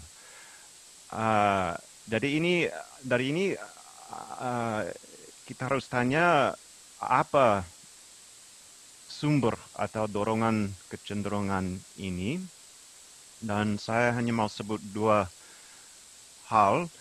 Uh, salah satunya kita harus lihat bahwa budaya orang Papua khusus Korowai bukan budaya tertutup tapi budaya yang menghargai yang baru dan siap eksperimen dengan uh, yang baru. Jadi artinya apa uh, perubahan luar biasa seperti ini bukan perubahan saja tapi memang tradisional dalam dalam arti ya tradisional uh, orang ini uh, terbuka kepada yang baru. Jadi uh, seperti di barat ada siaran tentang korowai yang tidak benar, yang bayangan palsu atau fantasi. Korowai juga masyarakat apa cepat membuat bayangan palsu tentang hidup di kota seperti super mie itu apa uh, makanan yang paling baik di dunia dan kalau bisa hidup dari uang saja itu memang akan seperti mimpi yang paling baik.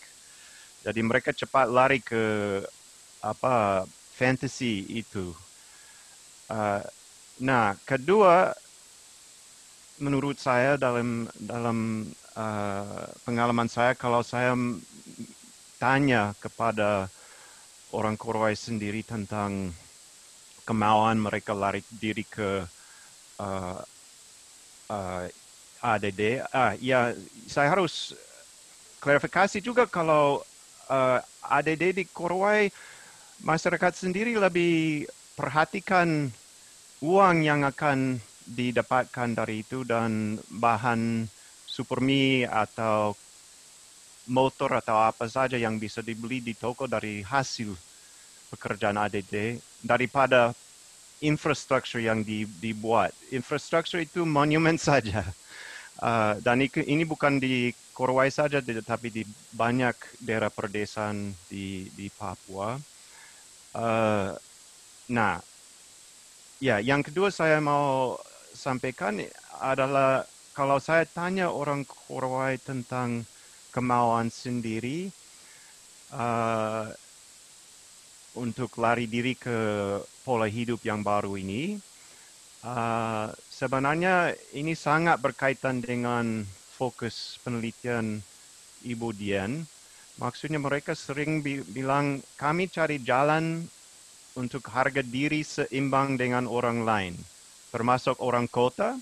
Kalau sudah lihat orang kota sebagai uh, ya mereka hidup secara lebih baik, kita mau sebaik mau hidup sebaik dengan mereka. Tapi uh, lebih lokal lagi, mereka sering bilang, oh ya saya lari diri kepada pola hidup itu karena kakak saya sudah dapat barang seperti itu, sudah hidup di kampung atau uh, keponakan saya sudah uh, hidup. Jadi kita harus lihat, uh, walaupun kelihatannya perubahan besar, sebenarnya intinya mulai dari nilai budaya mereka sendiri. Jadi mereka mungkin sedikit uh, uh, blind kepada sumber itu. Jadi saya, saya mau stres soal itu bahwa nilai orang Korowai sendiri mendorong mereka kepada perubahan besar seperti ini. Bukan apa pengaruh dari luar saja, tapi interaksi antara pengaruh luar program ADD dan nilai egalitarian uh, atau nilai kekerabatan mereka sendiri yang uh, mempercepatkan perubahan ini. Jadi itu saja dari saya. Uh, baik, terima kasih uh, Prof. Rupert. Uh, selanjutnya ini uh, kita berlanjut ke pertanyaan selanjutnya dari Ibu Yosina. Kami persilahkan Ibu untuk bisa langsung bertanya saja. Terima kasih Pak Dayu dan juga terima kasih uh, Ibu Dian, terima kasih Pak Rupert dan terima kasih juga Pak Pak saya sudah tidak ada di sini ya. Uh, saya senang sekali dengan uh, buku yang uh, ditulis oleh Ibu Dian, Perempuan-Perempuan Perkasa. Ya, tadi pada waktu menjelaskan saya seolah-olah mengantar di dalam satu cerita nostalgia yang begitu menarik ya tentang kondisi perempuan Korowai. Ya. Lalu kemudian ada di dalam saya mulai sedikit terganggu bertanya, apakah situasi itu memang seperti itu terus? Dan tadi Pak Rupert juga sudah menjelaskan bahwa ada mulai muncul perubahan-perubahan, kontak dengan hal-hal yang baru. Ada pemerintah masuk, ada pendidikan masuk, misalnya kemudian ada yang globalisasi dan modernisasi yang tidak bisa dibendung. Para turis masuk saja ke Korowai, mereka sudah membawa sesuatu yang baru. Pemerintah masuk ke Korowai, mereka sudah membawa sesuatu yang baru. Pendidikan masuk ke Korowai, mereka sudah membawa sesuatu yang baru. Dan hal-hal yang baru inilah yang akan memunculkan perubahan-perubahan yang sangat signifikan dalam mempengaruhi peran-peran gender dari laki-laki dan perempuan Korowai. Sehingga yang uh, yang yang yang nanti mu, bukan mungkin tapi pasti akan terjadi adalah hal-hal yang nostalgia ini dia akan hilang. Dan kemudian yang egalitarian itu dia akan muncul dalam hierarki. Misalnya tadi tentang kepala desa, mereka tidak kenal kata kepala kan?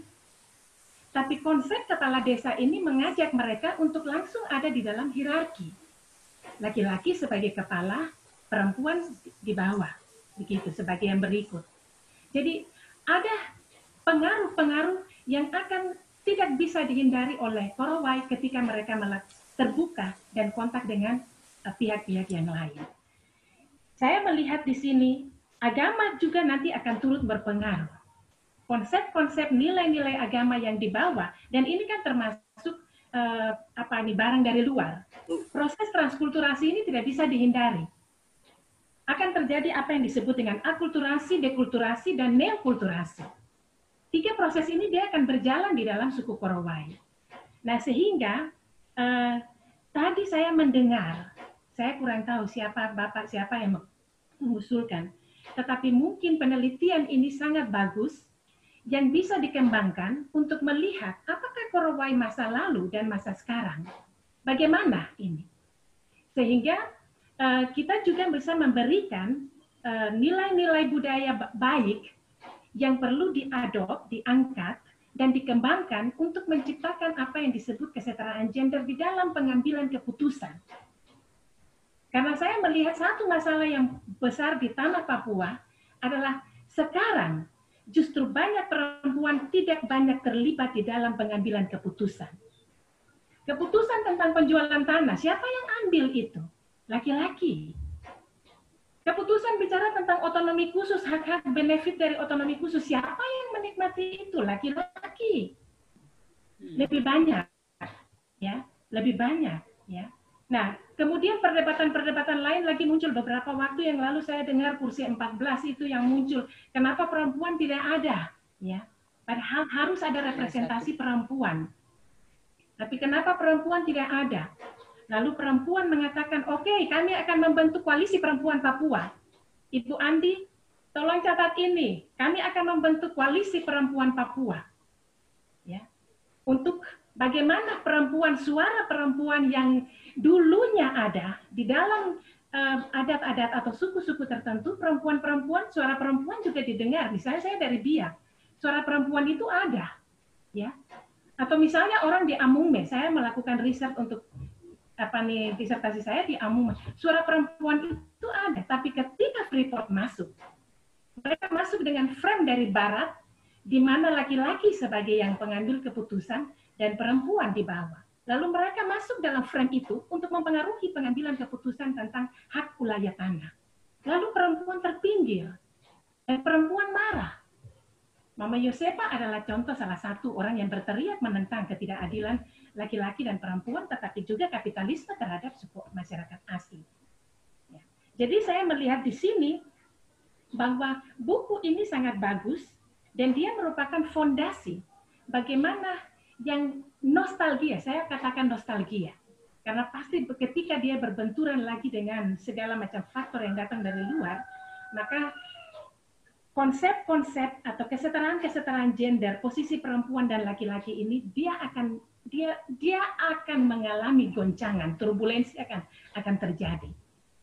Dan seperti yang tadi dikatakan orang tertarik dengan Indomie, lalu melupakan mereka punya uh, sagu. orang juga Korowai akan tertarik dengan konsep-konsep baru dan melupakan mereka punya konsep kesetaraan yang lama. Jadi ini ini yang ini yang saya melihat ini akan muncul, akan terjadi. Sehingga bagi saya penelitian ini mungkin perlu lagi digali, di, dikembangkan. Ibu Dian punya sesuatu yang luar biasa yang perlu lagi dikembangkan untuk kita melihat bagaimana apa ini nilai-nilai nostalgia ini berbenturan dengan faktor-faktor yang masuk dari luar modernisasi, kapitalisme, agama, dan sebagainya. Saya ingat buku dari Esther Busero. Itu sangat bagus, bagaimana uh, peran perempuan di dalam peran ekonomi perempuan. Ketika apa ini uh, mesin-mesin traktor itu belum masuk di dalam satu masyarakat tradisional itu, yang di mana egalitarian di dalam bekerja itu baik.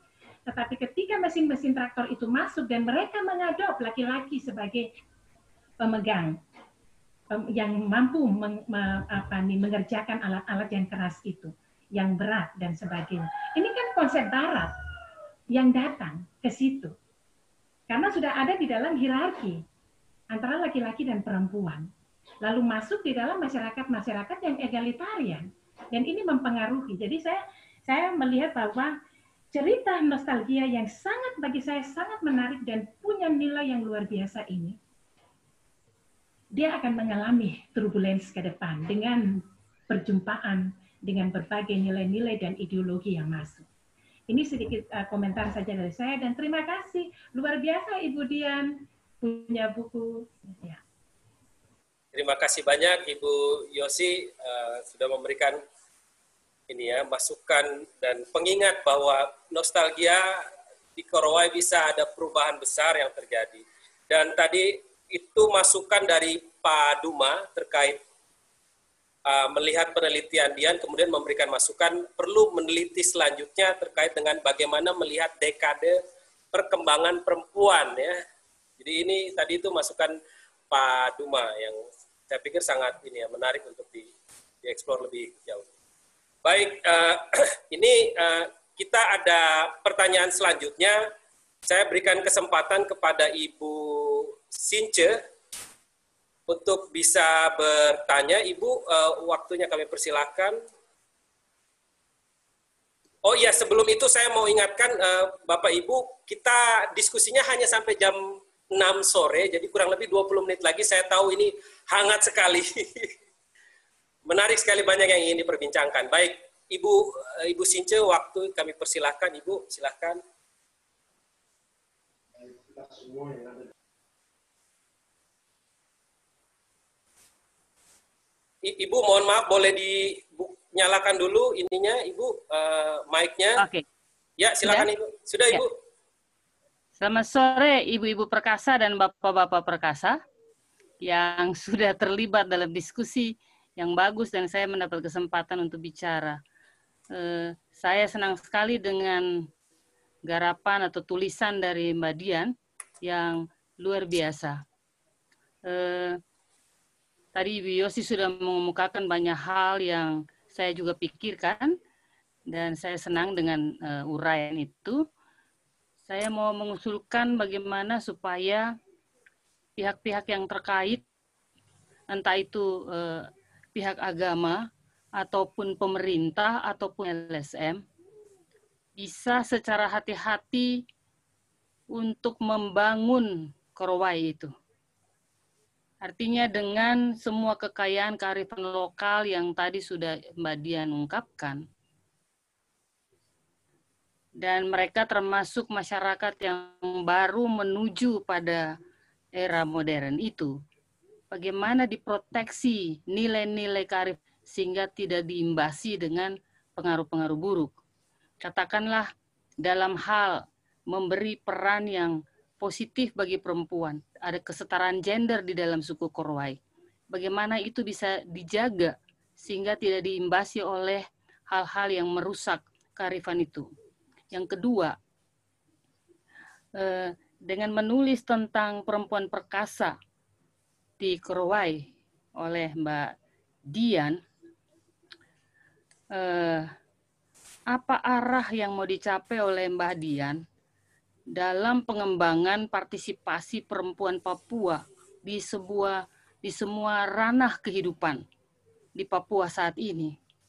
Seberapa jauh nilai-nilai eh, kesamaan gender dalam suku Korowai dapat mengimbasi eh, kemajuan perempuan Papua untuk menjadi perempuan-perempuan yang perkasa. Sebab tidak semua suku mempunyai pandangan atau kearifan seperti suku Korowai. Sementara dalam masyarakat modern ini seperti tadi Ibu Yosi bilang, begitu kuat paternalisme. Begitu berlomba-lomba laki-laki untuk menguasai di semua bidang, di pemerintahan, di legislatif. Itu laki-laki mau masuk semua dan menyikut perempuan. Sampai perempuan tidak punya punya tempat di situ. Di gereja pun begitu Laki-laki mau mendominasi semuanya. Nah, apa yang bisa kita ambil hikmatnya, hikmahnya, atau nilainya untuk menggerakkan kesamaan gender itu dalam dunia modern, sehingga perempuan Papua benar-benar perkasa, bukan hanya di suku Korowai, tapi di, di abad modern ini. Ya, saya saya harap bahwa diskusi ini akan memberikan satu solusi bagaimana kearifan lokal suku Korwai dapat membuat semua perempuan dalam suku apa pun di Papua menjadi perempuan perkasa yang bisa berpartisipasi di dunia modern, terutama di bidang eksekutif dan legislatif. Terima kasih. Baik, Ibu. Uh, terima kasih banyak. Pertanyaannya kepada Kak Dian ya. Sebelum yeah. di, sebelum dijawab, uh, saya tahan dulu. Ini ada pertanyaan, saya uh, lanjutkan aja. Pertanyaan selanjutnya dari uh, uh, uh, ini ibu atau bapak ini uh, Latri Margono dapat dijelaskan lebih spesifik terkait resiliensi perempuan suku Korowai dalam menyikapi kekerasan domestik yang selalu dibenarkan adat. Gitu ya. Jadi justifikasi adat untuk kemudian terjadi kekerasan domestik itu bagaimana uh, terkait resiliensi perempuan suku Korowai dan bagaimana masyarakat menjaga peradaban Papua sembari menjaga multikulturalisme. Ini uh, kepada para pembicara ya, mohon dijawab. Tapi sebelumnya saya akan ke Kak Dian, mohon menjawab pertanyaan dari Ibu Since, dipersilahkan.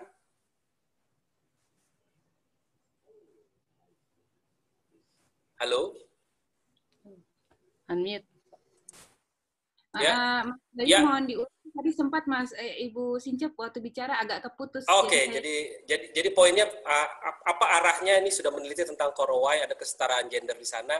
Bagaimana dia bisa berimbas atau punya pengaruh kepada perempuan di Papua dari suku yang berbeda gitu karena cukup beragam dan beda-beda gini. Apa apa bagaimana melihatnya? Baik, eh, Ibu Sincep terima kasih pertanyaannya. Uh, kalau saya sendiri sebenarnya tidak berharap banyak, tapi um, karena memang kita dibesarkan dengan uh, pola yang berbeda. Seperti saya sendiri, kemudian mama saya dari Jawa yang sudah terkenal dengan feodalismenya, kemudian bapak saya dari suku Baham, Fak-Fak itu juga feodal sekali begitu. Tapi kemudian dalam proses justru saya menemukan diri saya dan apa yang sebenarnya saya inginkan sebagai seorang perempuan itu ketika saya di Korowai dan belajar tentang Korowai. Uh, itulah yang sebenarnya ingin saya sharing dan benar yang Ibu bilang memang uh, harapan dari buku ini sebenarnya ingin bahwa semua pihak agar lebih berhati-hati ketika memasukkan program ke Korowai dan ke suku-suku mana pun karena bisa jadi uh, kita akan kalau ketika kita uh, kemudian penyamarataan, kemudian membawa nilai konsep yang kemudian kita merasa bahwa itu sudah hebat, padahal sebenarnya akhirnya ketika masuk di sana itu justru memiskinkan mereka. Uh, dalam hal ini seperti saya cerita pengalaman bahwa uh, Korowai dengan uh, saya saya kagum sekali perempuan Korowai itu bisa bilang minta cerai gitu ya sama suaminya walaupun itu kalau di Papua saya saya kurang tahu suku yang lain tapi kalau di Fakfak itu kalau perempuan sudah dinikahi terus kemudian dia minta cerai itu bisa bencana alam gitu bisa bisa perempuan itu dikucilkan keluarganya di ini jadi walaupun dalam dia mungkin tidak bahagia dalam pernikahannya dia dia terpaksa bertahan. Tapi di Korowai tidak. Uh, walaupun kemudian ada praktek-praktek uh, dia juga tidak mau punya anak, mungkin dengan praktek-praktek yang um, sedikit agak sadis ya kalau dalam kacamata kita seperti praktek FIFU. Tapi kan uh, bagaimana perempuan itu dia bisa mengatur organ tubuhnya dia, organ reproduksinya dia yang mungkin tidak semua suku ada. Nah, harapan saya sebenarnya seperti itu bahwa kehati-hatian dalam uh, melangkah dan menetapkan sebuah program pembangunan terutama untuk sebuah masyarakat itu penting sekali. Benar juga yang tadi Ibu uh, Waspakrik bilang bahwa memang akan ada pergeseran. Uh, saya saat ini mencoba meneliti pola komunikasi orang Korowai di Kampung Sinimburu uh, dalam perusahaan transparansi dana kampung. Terus beberapa minggu lalu saya ada cerita ke Pak Rupet bahwa baku telepon dengan kepala desa, kepala kampung di Senumburu. Katanya dia ada dapat uang sekitar 300 juta untuk ke dana desa. Baru katanya dia bilang dia mau beli masker untuk COVID. Jadi saya antara ketawa tapi juga sedih karena uh, ya dia berpikir tentang COVID bagus, ada kesadaran tentang COVID, tapi terus kemudian kenapa beli masker dan kemudian dia mau apa bikin apa untuk tempat cuci tangan untuk masyarakat Korowai uh, terus dia bilang nanti mau pasang internet visat internet jadi saya jadi aduh saya jadi agak bingung untuk ini bagaimana ya. Sebenarnya kan harusnya ada prioritas terus kemudian bagaimana. Tapi ya sudahlah nanti eh, mungkin kita harus pelan-pelan kasih tahu kita sebuah saudara di sana bahwa yo jangan pikir dulu untuk barang-barang itu. Covid itu memang menakutkan tapi juga jangan pikir bahwa harus beli masker untuk bagi ke semua masyarakat kampung. Terus beli tempat cuci tangan terus beli apa bikin visa. Itu untuk apa manfaatnya? Nah itu uh, memang hal yang ya kita memang harus lebih bisa lebih bijaksana lagi ya melihat. Uh, Mas Dayu, saya mohon izin untuk menyapa Ibu Dr. Lerti Margono. Ini juga salah satu Dewi Gender sebenarnya. Tadi Mas Dayu bilang Bapak, sebenarnya beliau adalah Dewi Gender, uh, Ibu Dokter, Ibu. Beliau seorang Ibu. Itu saja Mas Dayu. Uh, baik, terima kasih. Saya minta maaf sebelumnya ke uh, Bu Dr. Latri. Uh, salah menyebutkan nama. Ya, ini terima kasih banyak ya. Mungkin uh, pentingnya berkolaborasi sepertinya di sini ya untuk me, ini ya, saling saling bersinergi, saling membantu terkait isu perempuan. Uh, selanjutnya ini kepada Ibu Dr. Latri, kami persilahkan ini ada pertanyaan, mungkin langsung saja bisa disampaikan. Ibu, silahkan Ibu. Oke, karena belum respon, uh, kita ke ini ya, ada kawan saya, uh, Bapak Umbu, Bapak Umbu Akwan, nih yang tadi mau bertanya. Baik, kalau tidak ke ini ya ada kawan kita nih kakak kita Jorsa boleh boleh di unmute untuk boleh bertanya silakan waktu dan tempat. Halo, halo Pak Rifai, semua moderator semua terima kasih. Halo. Oh iya, baik. Uh, Kakak George, Halo. Kakak George, kita tunggu Ibu Latri sebentar ya. Ibu, silahkan Ibu. Ya, Assalamualaikum, selamat sore. Ya, saya Latri, saya lagi ada di Bogor ini, jadi sedang ada pertemuan, jadi saya sambil sambil menyimak dua hal sekaligus. Maaf tadi uh, ada yang ini ke saya. Oh iya, baik. Uh, ya, Ibu, uh, tidak apa-apa. Baik, Ibu, ini tadi kemudian ada pertanyaan dari Ibu. Kami pikir Ibu mau menyampaikan pertanyaan secara langsung. Oh, ya. Baik. Baik. Kalau baik. Baik, uh, saya dibesarkan di Papua dan saya sedikit banyak memahami sistem nilai budaya yang ada di Papua khususnya untuk masyarakat Marin Anim dan juga beberapa di daerah pegunungan.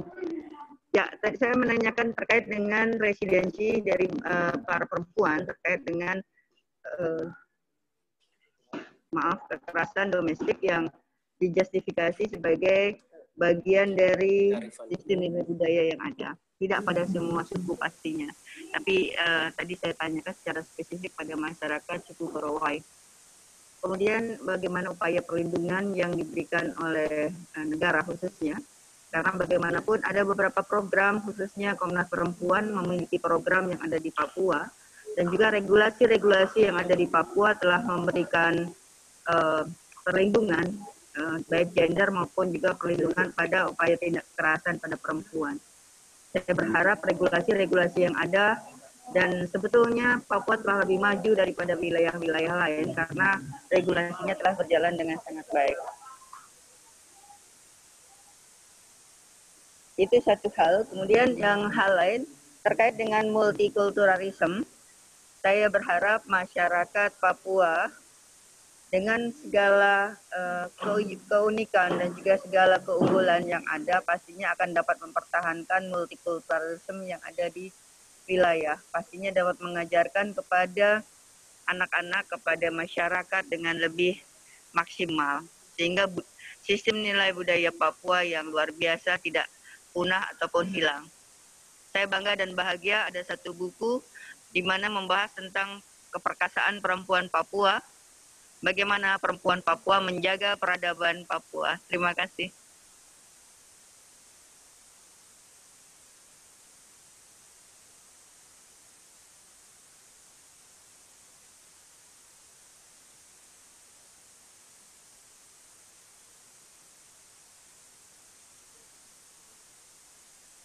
Kakak moderator sepertinya belum unmute sehingga tidak kedengaran suaranya. Boleh, maaf, mohon maaf. Uh, Kakak George boleh langsung, mohon maaf. Ya, Kenapa? Aduh, ya, uh, ya.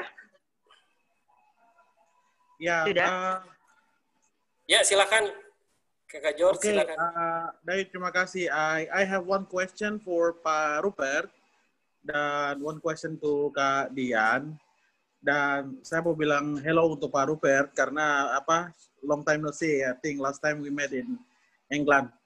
Uh, yang pertama ini uh, pemaparan Pak Rupert dan uh, buku yang ditulis saya sudah baca dan saya bagi ke teman-teman.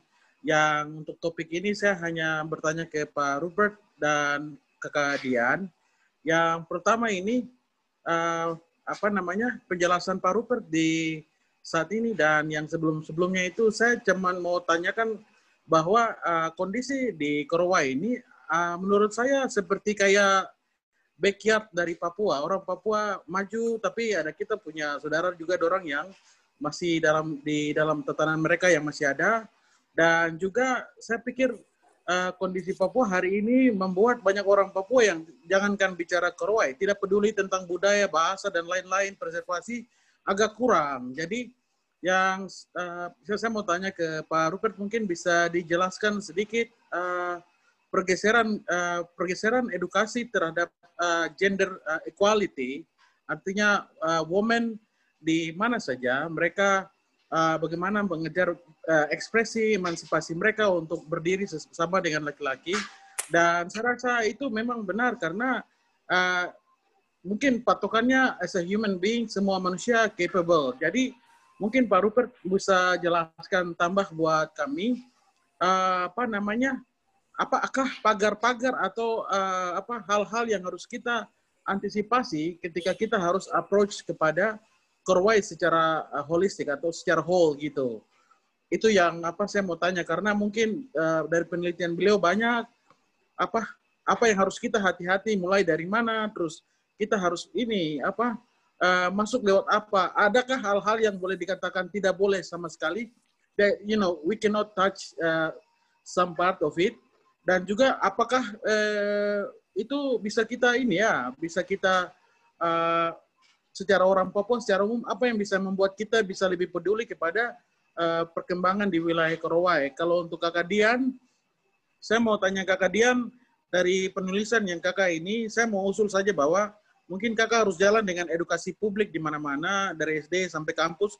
Bila perlu kita punya yang namanya uh, apa kelas uh, special kelas untuk bagaimana kita melihat uh, apa perkembangan yang saat ini tentang apa bagaimana budaya-budaya ini terutama kita bisa melihat Korea karena uh, saya pikir orang-orang Korea ini kalau Pak Rupert jelaskan itu bahwa mereka ingin juga keluar melihat dunia tetapi kalau tidak tidak sesuai dengan mereka punya mau mereka tarik diri dan ya saya pikir menyelamatkan Korowai ini tugasnya siapa? Kalau saya tuh selalu siap, tapi ini agak apa ya? Agak saya lihat memang secara umum orang Papua kita sudah lebih ingin melihat masa depan, tapi yang di belakang-belakang ini kita tinggalkan ini yang persoalan. Jadi, adakah eh, usulan-usulan eh, strategis yang di tataran kita di anak-anak muda Papua, apa yang bisa kita lakukan ini? Karena saya tadi setuju dengan Ibu Sience tadi, bagaimana kita buat Korowai dan segala apa kondisi yang ada itu relevan buat kita orang Papua. Itu saja. Mungkin yang lain mau menambahkan juga, it's okay. Thank you very much, Pak Rupert.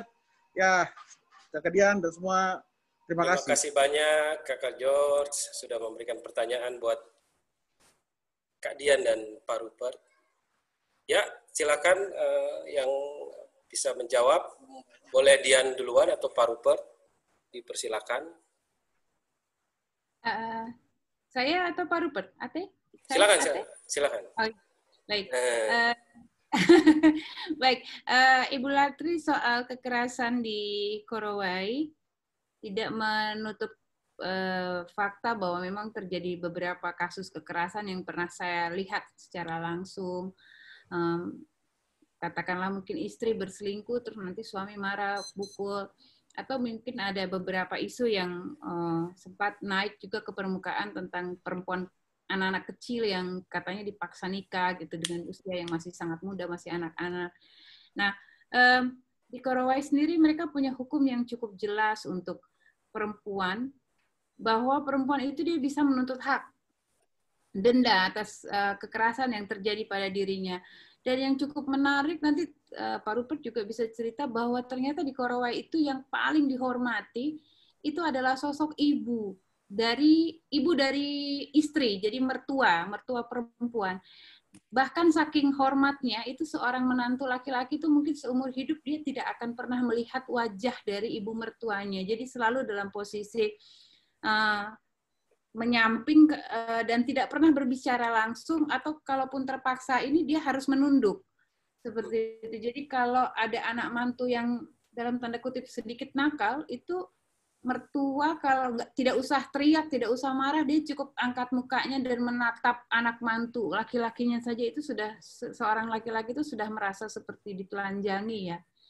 Kemudian uh, di Korowai memang tidak ada sistem kepemimpinan tetap, adanya sistem kepemimpinan tidak tetap yang dengan Milon dan Milon Halal itu, tapi kemudian mereka melalui proses musyawarah untuk mufakat, tapi juga mereka menghormati saudara ipar laki-laki.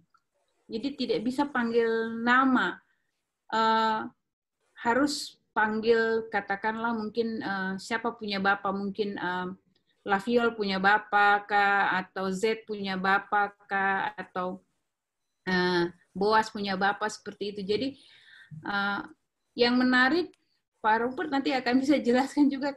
Di Korowai itu ada banyak bahasa untuk menjelaskan satu barang. Karena mungkin orang juga takut kalau um, mau bicara sebutkan satu barang ini ternyata uh, katakanlah ada uh, nama kualare padahal kual itu Kasuarian uh, Tia kalau tidak salah.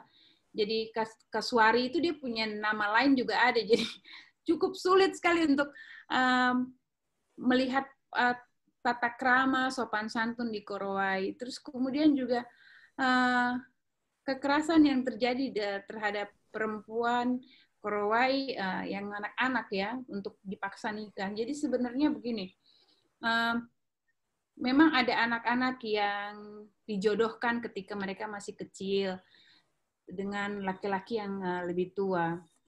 Uh, terus kemudian uh, ketika dia sudah besar, akhirnya dia nikah. Tapi sebenarnya proses yang terjadi adalah walaupun dari kecil itu mereka sudah sama-sama, tapi seks tidak terjadi.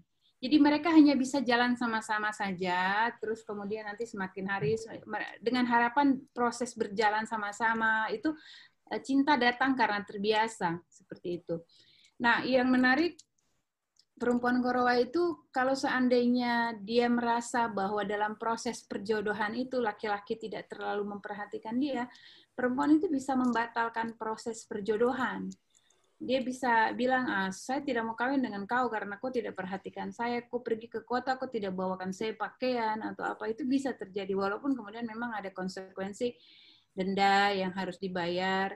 Tapi biasanya perempuan Korowe itu uh, di Korawa itu ini ya ada ada situasi di mana bukan hanya perempuan muda nikah dengan laki-laki yang lebih tua, tapi tidak sedikit perempuan yang jauh lebih tua itu nikah dengan laki-laki yang jauh lebih muda. Dan uh, mereka hidup baik-baik saja begitu. Tidak tidak ber, uh, tidak tidak ada seperti menjadi masalah.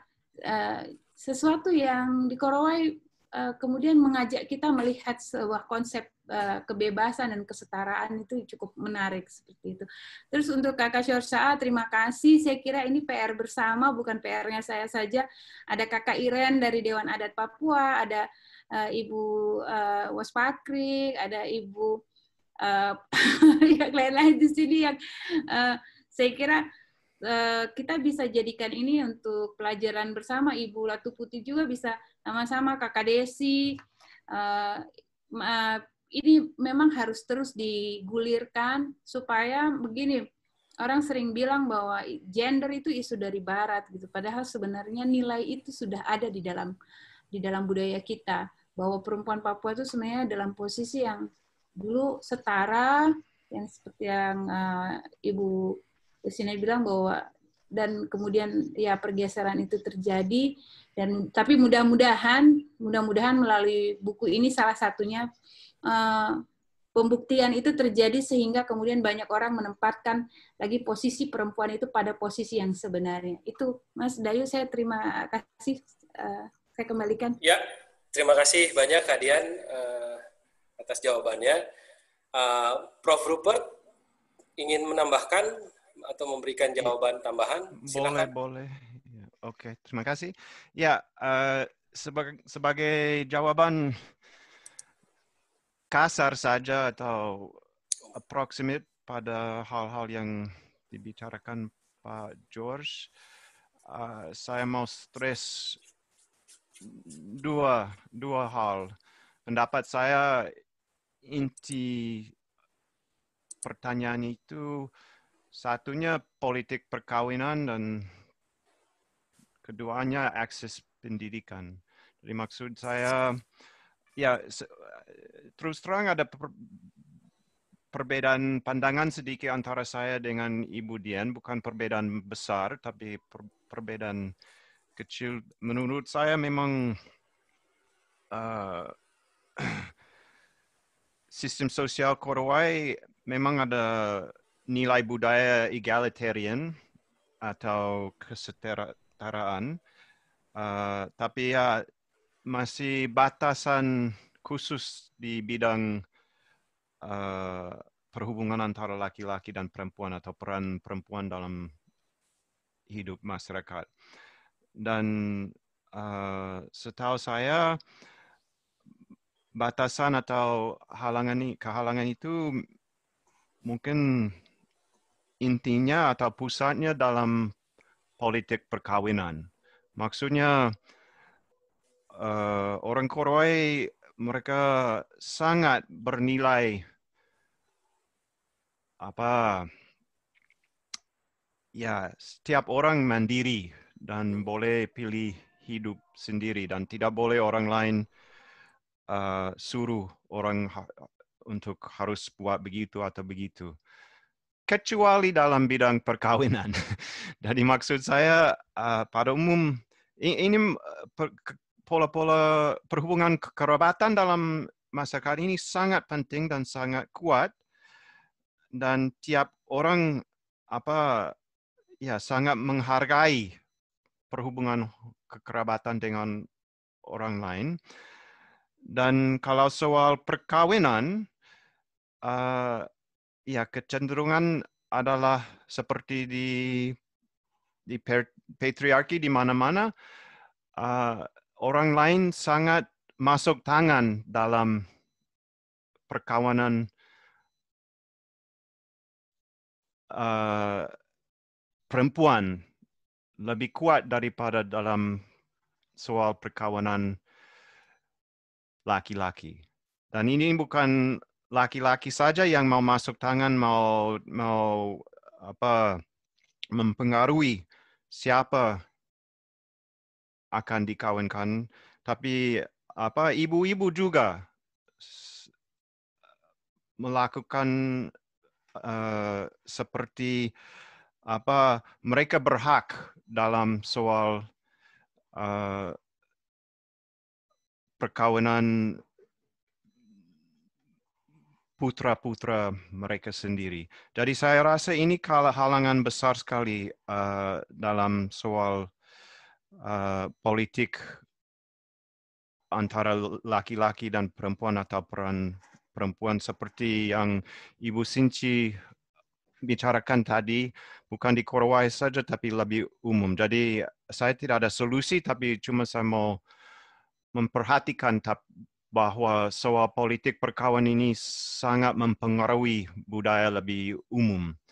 Dan kalau soal solusi, saya rasa akses pendidikan sangat penting. Dan uh, salah satu sumber daya manusia dalam soal ini adalah bahwa seperti di mana-mana di daerah perdesaan, di Korowai juga, uh, orang setempat sangat menghargai pendidikan dan mereka setengah mati cari jalan untuk mempertempatkan anak-anak mereka laki-laki tapi juga perempuan di uh, di daerah kota di mana mereka bisa dapat pendidikan yang yang baik. Jadi saya rasa solusinya kita harus cari jalan untuk uh, mempertingkatkan akses pendidikan kepada orang terpencil seperti di daerah perdesaan yang jauh dari kota dan bukan untuk laki-laki saja tapi khusus perempuan dan kita harus cari payung supaya anak perempuan bisa dipersekolahkan dengan baik tanpa soal diganggu oleh politik perkawinan. Jadi itu eh, pendapat saya tentang solusinya. Baik, uh, terima kasih banyak Prof. Rupert. Ini juga di kolom chat hangat ya terjadi tanya jawabnya dari para narasumber ya pertanyaan kemudian di, dijawab di kolom chat. Eh, teman-teman, uh, Bapak Ibu peserta ini uh, kepada uh, narasumber jika ingin memberi tanggapan dipersilahkan yang mengingat kita sebenarnya sudah lewat 10 menit dari waktu. Kami persilahkan Bapak Ibu narasumber, teman-teman ini sebenarnya banyak pertanyaan kepada kami, tapi kita minta maaf waktu, mohon bisa diberikan tanggapan eh, sebagai pernyataan terakhir atau tanggapan terakhir begitu ya untuk diskusinya kepada para narasumber boleh menanggapi kami persilahkan Oke Pak Bayu, ya. boleh komen. Ya. ya silakan Bapak. Terima kasih sekali. Eh, memang diskusi ini dia butuh waktu yang panjang, tetapi kita udah buka wacana untuk mungkin hari ini bukan akhir dari pertemuan kita, tetapi inilah awal dari pergolakan yang yang kita buat kira-kira bagaimana ke depan perempuan Papua. Itu yang harus kita inginkan, ya. Jadi bukan tanda petik perempuan Papua tapi perempuan di Indonesia harus gimana, ya.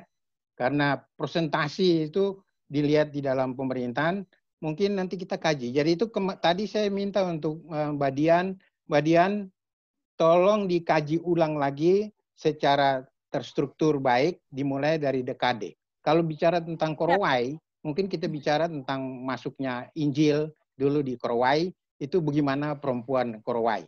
Setelah masuknya pemerintah sekarang bagaimana posisi perempuan Korowai. Sehingga kita bisa membuat satu proyeksi. Dulu mereka kayak gini, sekarang dia mulai berubah kayak gini. Nah, sehingga apa yang dikhawatirkan oleh Bu Yos tadi ya, ya waspakri ya. Jangan sampai nanti mereka itu hilang atau lupa tentang hal-hal yang ada pada mereka. Saya kira itu uh, uh, tidak tidak akan hilang. Karena kita kita juga tidak bisa bilang budaya itu harus dieksis terus begitu ya. Tidak bisa. Karena di dalam kebudayaan itu ada teori yang mengatakan bahwa ada kita bisa melakukan perubahan-perubahan ya hal-hal yang melakukan perubahan itu adalah perubahan yang memang bukan menyangkut dengan nilai uh, value nilai dasarnya dia, tetapi eksistensi yang lain. Misalnya saya kasih contoh, dulu kita tidak pakai baju dan apa, sekarang kita pakai baju, ya toh? Nah, kita robah, tetapi eksistensi kita dalam budaya kita pertahankan. Nah, demikian pula uh, dalam perempuan, ya toh? Uh, saya dari tadi pingin sekali kaum perempuan sekarang sudah dengan apa yang kita bicara, tetapi jangan pesimis. Ya, lah, itu. Jangan pesimis bahwa kita bisa rubah diri kita, ya. Tidak perlu dibikin itu kelompok perempuan Papua untuk afiliasi untuk lawan di dalam ini, tetapi bagaimana kita bangun diri kita, ya. Bagaimana kita coba untuk berdiri, ya. Sekarang kita bicara dalam apa private culture dan public culture, ya. Toh? Kalau itu berada dalam private culture, berarti kita berada dalam lini tatanan budaya, maka itulah kita jalankan. Tetapi kita berada dalam public culture, berarti budaya itu dia lebih homogen. Ya. Sehingga apa yang kita takutkan itu tadi Pak Ruper bilang, salah satu dengan pendidikan maju, maka perempuan itu dia akan ikut maju. Ya, tanpa meninggalkan harkat dan hakiki dasar dari budayanya dia. Ya. Apakah memang budaya dia akan menilai perempuan itu salah kalau dia memberikan nilai yang baik? Saya kira itu tidak. Ya. Perempuan di Jawa bisa maju dengan begini, tapi dia kembali lagi dalam tatanan tata kromo Jawa, tetap dia berjalankan hal yang demikian. Maka itu adalah akselerasi yang membuat dia tetap bisa berada dalam situasi perubahan. Ya. Jadi uh, saya berharap diskusi ini tidak berakhir hari ini tapi nanti kita buka forum-forum lagi untuk kita lebih teliti lagi, lebih detail lagi. Saya mau tiap-tiap orang anak Papua perempuan dia bicara apa sebetulnya persoalan persoalan dia secara kultural. Jadi budaya itu bukan menghambat. Itu itu kunci saya ya. Budaya itu bukan menghambat, tetapi situasi pada saat itu yang membuat dia menghambat. Tetapi kalau perubahan terjadi, maka budaya itu adalah baik. Ya. Itu itu kuncinya, saya kira ya. Mungkin itu yang bisa saya apa closing statement yang nanti saya buat ya. untuk apa. Ya. ya. Terima, terima kasih, terima kasih banyak Pak Duma memberikan tanggapan terhadap uh, pertanyaan-pertanyaan uh, dari para peserta. Mungkin ada lagi Mbak Andi mungkin mau menyampaikan tanggapan terakhir sebelum kita closing. Ya, um, Komnas Perempuan kerja di Papua memang cukup lama sejak tahun 98 eh, sejak kami berdiri dan saya ingat saya uh, diminta untuk mendukung uh, Kongres Mama-Mama Papua pada tahun 2000 dan sebetulnya saya tuliskan juga di kolom chat yang saya pahami dari perjalanan bersama teman-teman di Papua Mama-Mama Papua memiliki posisi yang sangat khas untuk mengklaim kepemimpinannya dan juga untuk mewujudkan kepemimpinannya dan di antara banyak daerah di Indonesia ini, hanya kebijakan di daerah Papua sebetulnya yang dengan tegas menyebutkan keterwakilan perempuan di dalam sebuah sistem otonomi khusus eh, serupa MRP. Apa pun keterbatasan dari mekanisme tersebut, tetapi ini adalah pernyataan yang sangat jarang ditemukan di dalam daerah-daerah yang lain. Biasanya hanya akan disebutkan keterwakilan 30% perempuan. Dan saya meyakini bahwa ini juga tidak terlepas dari seluruh kiprah dan perjuangan dari mama-mama ya, selama ini. Nah, buat saya membaca tulisannya Kak Dian, uh, betul banyak banyak sekali pertanyaan. Saya ingat uh, pertanyaan itu bahkan sempat saya, Kak, apa nggak boleh ya saya ikutan ya gitu, saking penasarannya gitu. Karena bisa jadi saya uh, membaca itu dengan dengan relasi yang relasi yang berbeda gitu. Misalnya tentang mengapa tidak boleh lihat wajah kita banyak sekali cerita tentang memandang wajah perempuan dan mungkin kalau saya dekatkan dengan pernyataannya Pak Rupert adalah politik perkawinan gitu tapi juga sangat kental sebetulnya kaitannya dengan konstelasi dan konstruksi tentang seksualitas uh, dan perempuan di sana. Tetapi uh, yang ingin saya tekankan adalah dua hal sebetulnya yang saya pelajari sungguh dari penelitiannya Kak Dian tentang Korowai, yaitu mengentaskan stigma, memutus stigma tentang orang Korowai itu sendiri, yang berangkat betul-betul dari pengalaman uh, yang ada di sana. Tidak sempurna tentunya, ada banyak ruang-ruang perbaikan yang bisa dilakukan, tetapi semoga kebaikan-kebaikan tentang keadilan dan kesetaraan itu bisa menginspirasi bukan saja Eh, rekan-rekan perempuan maupun laki-laki di Papua karena untuk bisa berjuang kan tidak mungkin sendiri. Kalau bahkan seperti Pak Agripitus eh, masih cukup moderat kalau saya pikir ya, mungkin bahkan ada yang menjawab gitu keinginan untuk membuat forum itu seperti ini mama-mama mau melakukan perlawanan kah dengan papa-papanya begitu kan gitu. Nah, jadi buat saya eh, tentunya dia harus dibarengi bersamaan dengan perubahan pola pikir uh, yang ada baik itu antara laki-laki dan perempuan tidak saja di Papua tapi juga di seluruh Indonesia. Kenapa saya bilang seluruh Indonesia? Bahkan diskusi dengan pangan betul uh, saya merasa ruang ini tidak cukup. Tadi banyak bicara soal inovasi pangan, tetapi imaji semu yang tadi disampaikan soal modernitas itu kan sudah diinjeksi tidak saja ke Papua dan tapi terutama berat sekali kita lihat stigma yang harus di, dihadapi oleh Eh, saudara-saudara uh, papa mama sekalian yang ada di Papua gitu. Dan untuk misalnya inovasi sagu sendiri tidak akan cukup jika imaji tentang modernitas dan pangan modern itu tidak diubah. Gitu. Dan itu membutuhkan seluruh perubahan yang akan sangat tergantung pada pendidikan seperti apa. Betul, pendidikan alat transformasi. Tapi kalau pendidikannya sendiri tetap menancapkan imaji semu itu, termasuk juga menancapkan hierarki, struktur yang membedakan laki-laki dengan perempuan, kita bisa baca seluruh kritik tentang pendidikan yang ada di Indonesia. Maka dia tidak akan menghasilkan transformasi yang kita inginkan. Karena itu perjuangan masih panjang, diskusi ini saya amini bukan yang pertama dan bukan yang terakhir, dan menurut saya dia patut dilanjutkan lebih besar lagi forumnya dan menginspirasi lebih banyak kebaikan di negeri ini maupun di seluruh dunia. Terima kasih. Terima kasih banyak uh, Mbak Andi atas uh, ini uh, closing statementnya. Selanjutnya Prof. Rupert ada yang ingin disampaikan sebagai closing?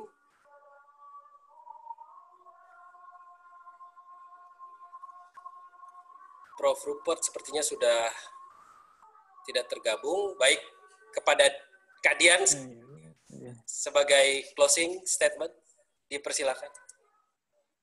Iya, uh, terima kasih sebelumnya untuk Mas Dayu uh, yang sebenarnya dengan luar biasa menjadi editor walaupun belum pernah ke Korowai, tapi kemudian kalau baca buku yang asli, eh, naskah yang asli itu berantakan sekali. Jadi uh, Mas Dayu juga sebenarnya kita perlu apresiasi karena uh, bisa menjelaskan apa yang saya temui di Koroe dengan bahasa yang lebih enak sebenarnya. Nah, kemudian saya juga mengapresiasi sekali lagi Profesor Rupert, Pak Rupert, Ate, saya biasa panggilnya Ate, jadi uh, saya tidak pernah kuliah di Cambridge, tidak pernah kuliah di UCDC, mungkin belum kuliah di sana, tapi uh, beliau bisa dengan sabar membimbing saya dari 2011, uh, memberikan semangat untuk uh, melihat Korowai dan kemudian juga um, Pak Duma Tubun. Saya ingat sekali sebenarnya waktu itu mau meneliti yang lain, tapi terus Pak Duma bilang, kamu sudah kaya sekali dengan data, kenapa masih sibuk dengan yang lain? Itu luar biasa, saya nah, diberikan kepercayaan diri. Mbak Andi Yetriani, uh, tidak pernah cukup kata terima kasih saya buat Mbak Andi Yetriani dan tim Cipta Media ya, karena uh, apa ya uh, seandainya saya tidak menang uh, kompetisi itu mungkin buku ini tidak akan pernah ada karena uh, waktu itu saya berpikir bahwa uh, ini ya uh, sudah cukup segala stigma tentang Korowai. Uh, termasuk gambar-gambar yang buat saya itu menyakitkan gitu. Uh, saya di Korowai itu terlibat bukan hanya secara fisik tapi juga secara emosi karena bertahun-tahun bergumul dengan mereka dan setelah pulang dari Korowai pun di Jayapura masih terus berinteraksi dengan mereka. Jadi eh, saya sangat-sangat terikat dengan anak-anak Korowai, dengan isu-isu Korowai, dan sangat menyakitkan dengan semua isu-isu yang ada di media tentang mereka. Jadi eh, terima kasih sekali lagi untuk Cipta Media. Terus kemudian juga hari ini eh, setuju sekali mudah-mudahan Ibu Desi Terima kasih untuk dananya. Walaupun saya tahu mungkin di tengah keterbatasan potongan anggaran yang luar biasa besar di kantor, tapi Ibu Desi bisa melihat ini harus diangkat dan mudah-mudahan sepakat uh, kita bisa uh, tindak lanjuti lagi diskusi ini menjadi diskusi yang lebih besar.